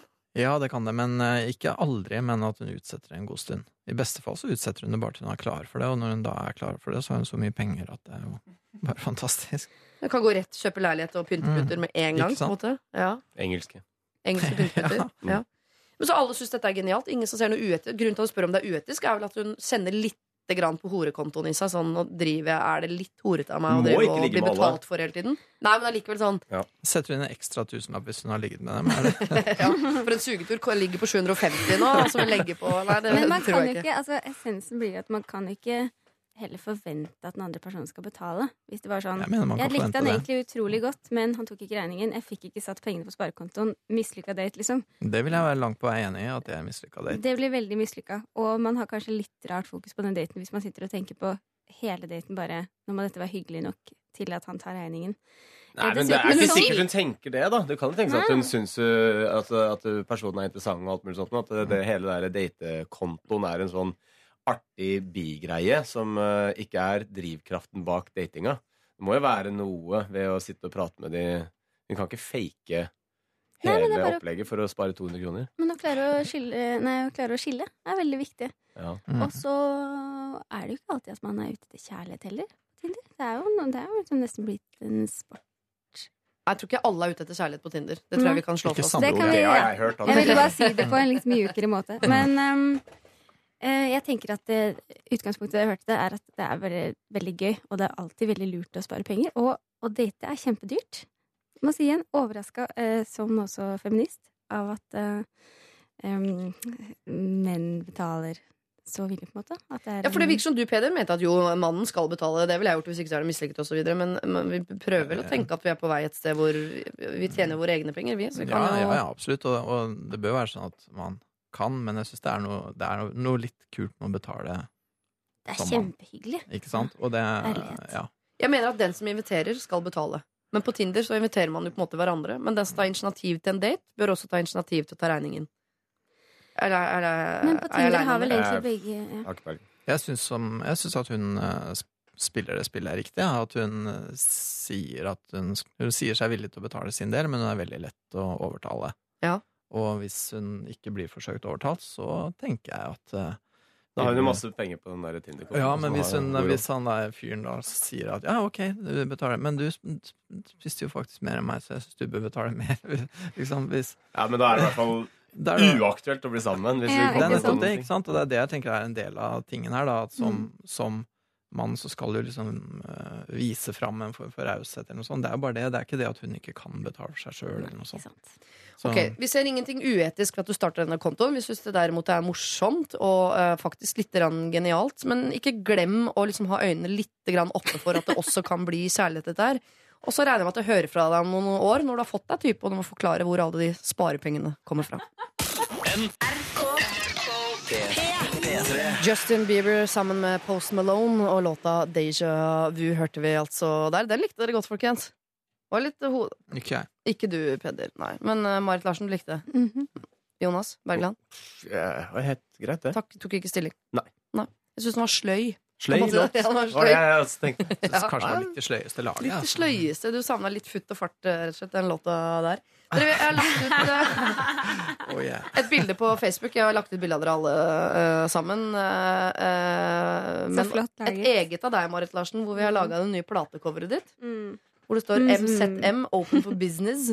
Som vi jo tenker at bør være tittelen på den eh, neste plata di, da. Vi tenkte vel egentlig altså, Til dere som hører på der ute, vi snakker om veldig interessante ting når vi er av lufta. Ja. Det er sånn, jeg vet ikke hva vi holder på med her. vi burde spare juicen til lufta. Open for Business, altså. Marit Men eh, det så handler om den første norskspråklige plata mi, som sannsynligvis aldri kommer. Som da het Åpen for business. Fordi det var et uttrykk som eh, det, Vi fikk klangbunn i dette Jeg har ikke laget det uttrykket, altså. Det var veldig lite typisk deg å skulle i det hele tatt bruke det. Jeg tror det er derfor vi ramla litt av stolene her inne. Også med tittellåta 'Sjokk og vantro', var det ikke det? Ja, vantro, ja. Ja. Og Katastrofe kommer inn og rapper noe greier. Mm. Altså, Og det tittelen er skrevet på. O fordi det er på nynorsk. Selvfølgelig. Mm -hmm. ja. Vi er blander alt. Vi blander alt. Jeg tror også du skal ha en låttittel som heter Love, Laugh, Aids.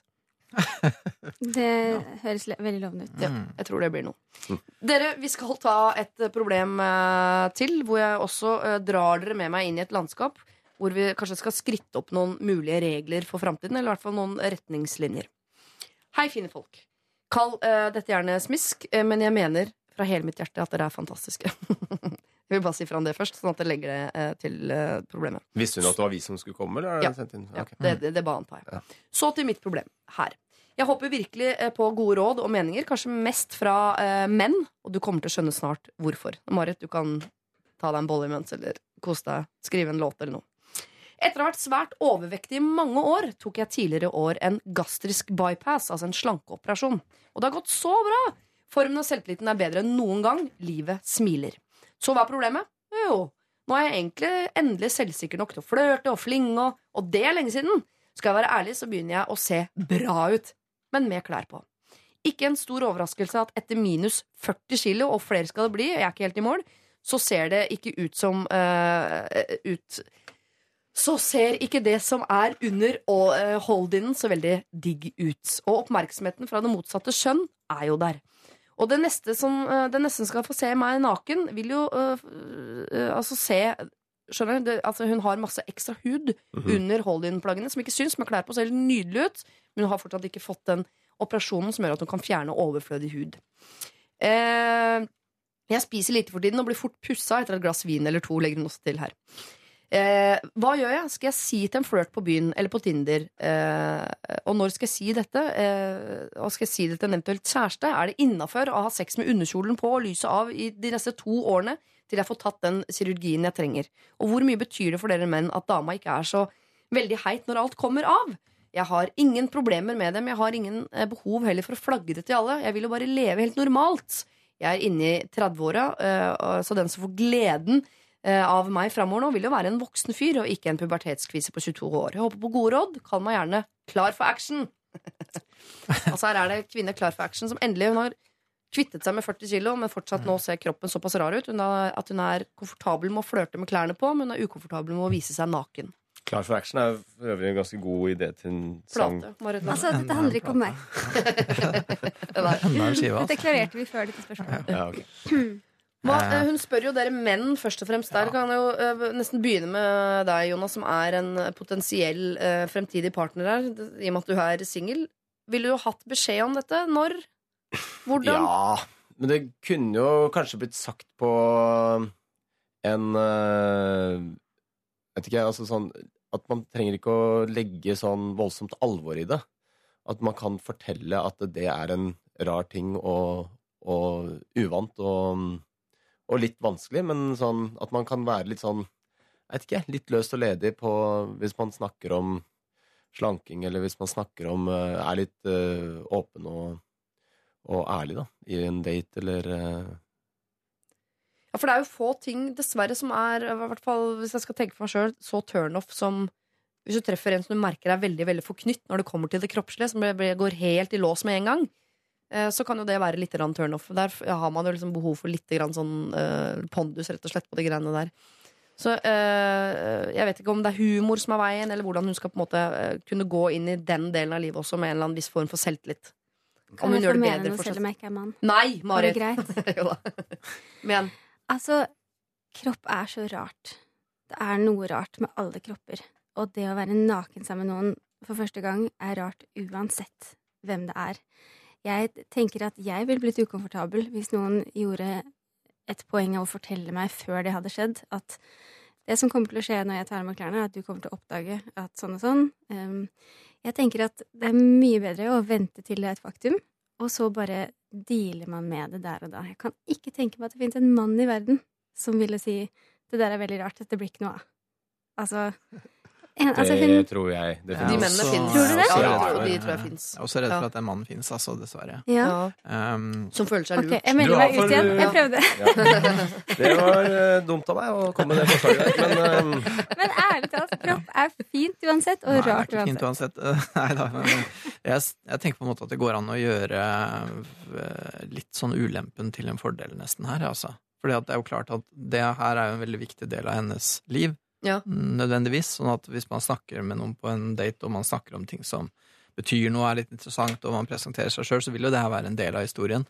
At vet du, jeg har gått ned så utrolig mye og hatt sånn operasjon og sånn og sånn. Men det er klart, da ser det jo pussig ut. Da. Det er mye Jeg ville ha syntes at det var kult. Som Ja. mann så ville jeg synes jøss, lurer på åssen det ser ut. Liksom. Men da må jeg det leveres med den selvtilliten du gjør det med nå. Ja, ja, men det sånn, høres ut som «Eh, Ja, ja, absolutt. Men Ja. ja, ikke sant. Du, ja, de må ikke ta det opp som sånn Det er en ting vi må snakke om. ja, Altså, nei, nei, du må ta det som en kul ting. Vet Ja. du hva? eller? Det, jeg har gått ned så mye, og det henger og slenger. Jeg har lyst til å se. Mm. jeg, jeg ville synes det var litt fett, da. Du kan få se, men da må du ta av alle klærne, du også. Ja, ikke sant? Jeg ville synes det var litt kult. Det. Ja.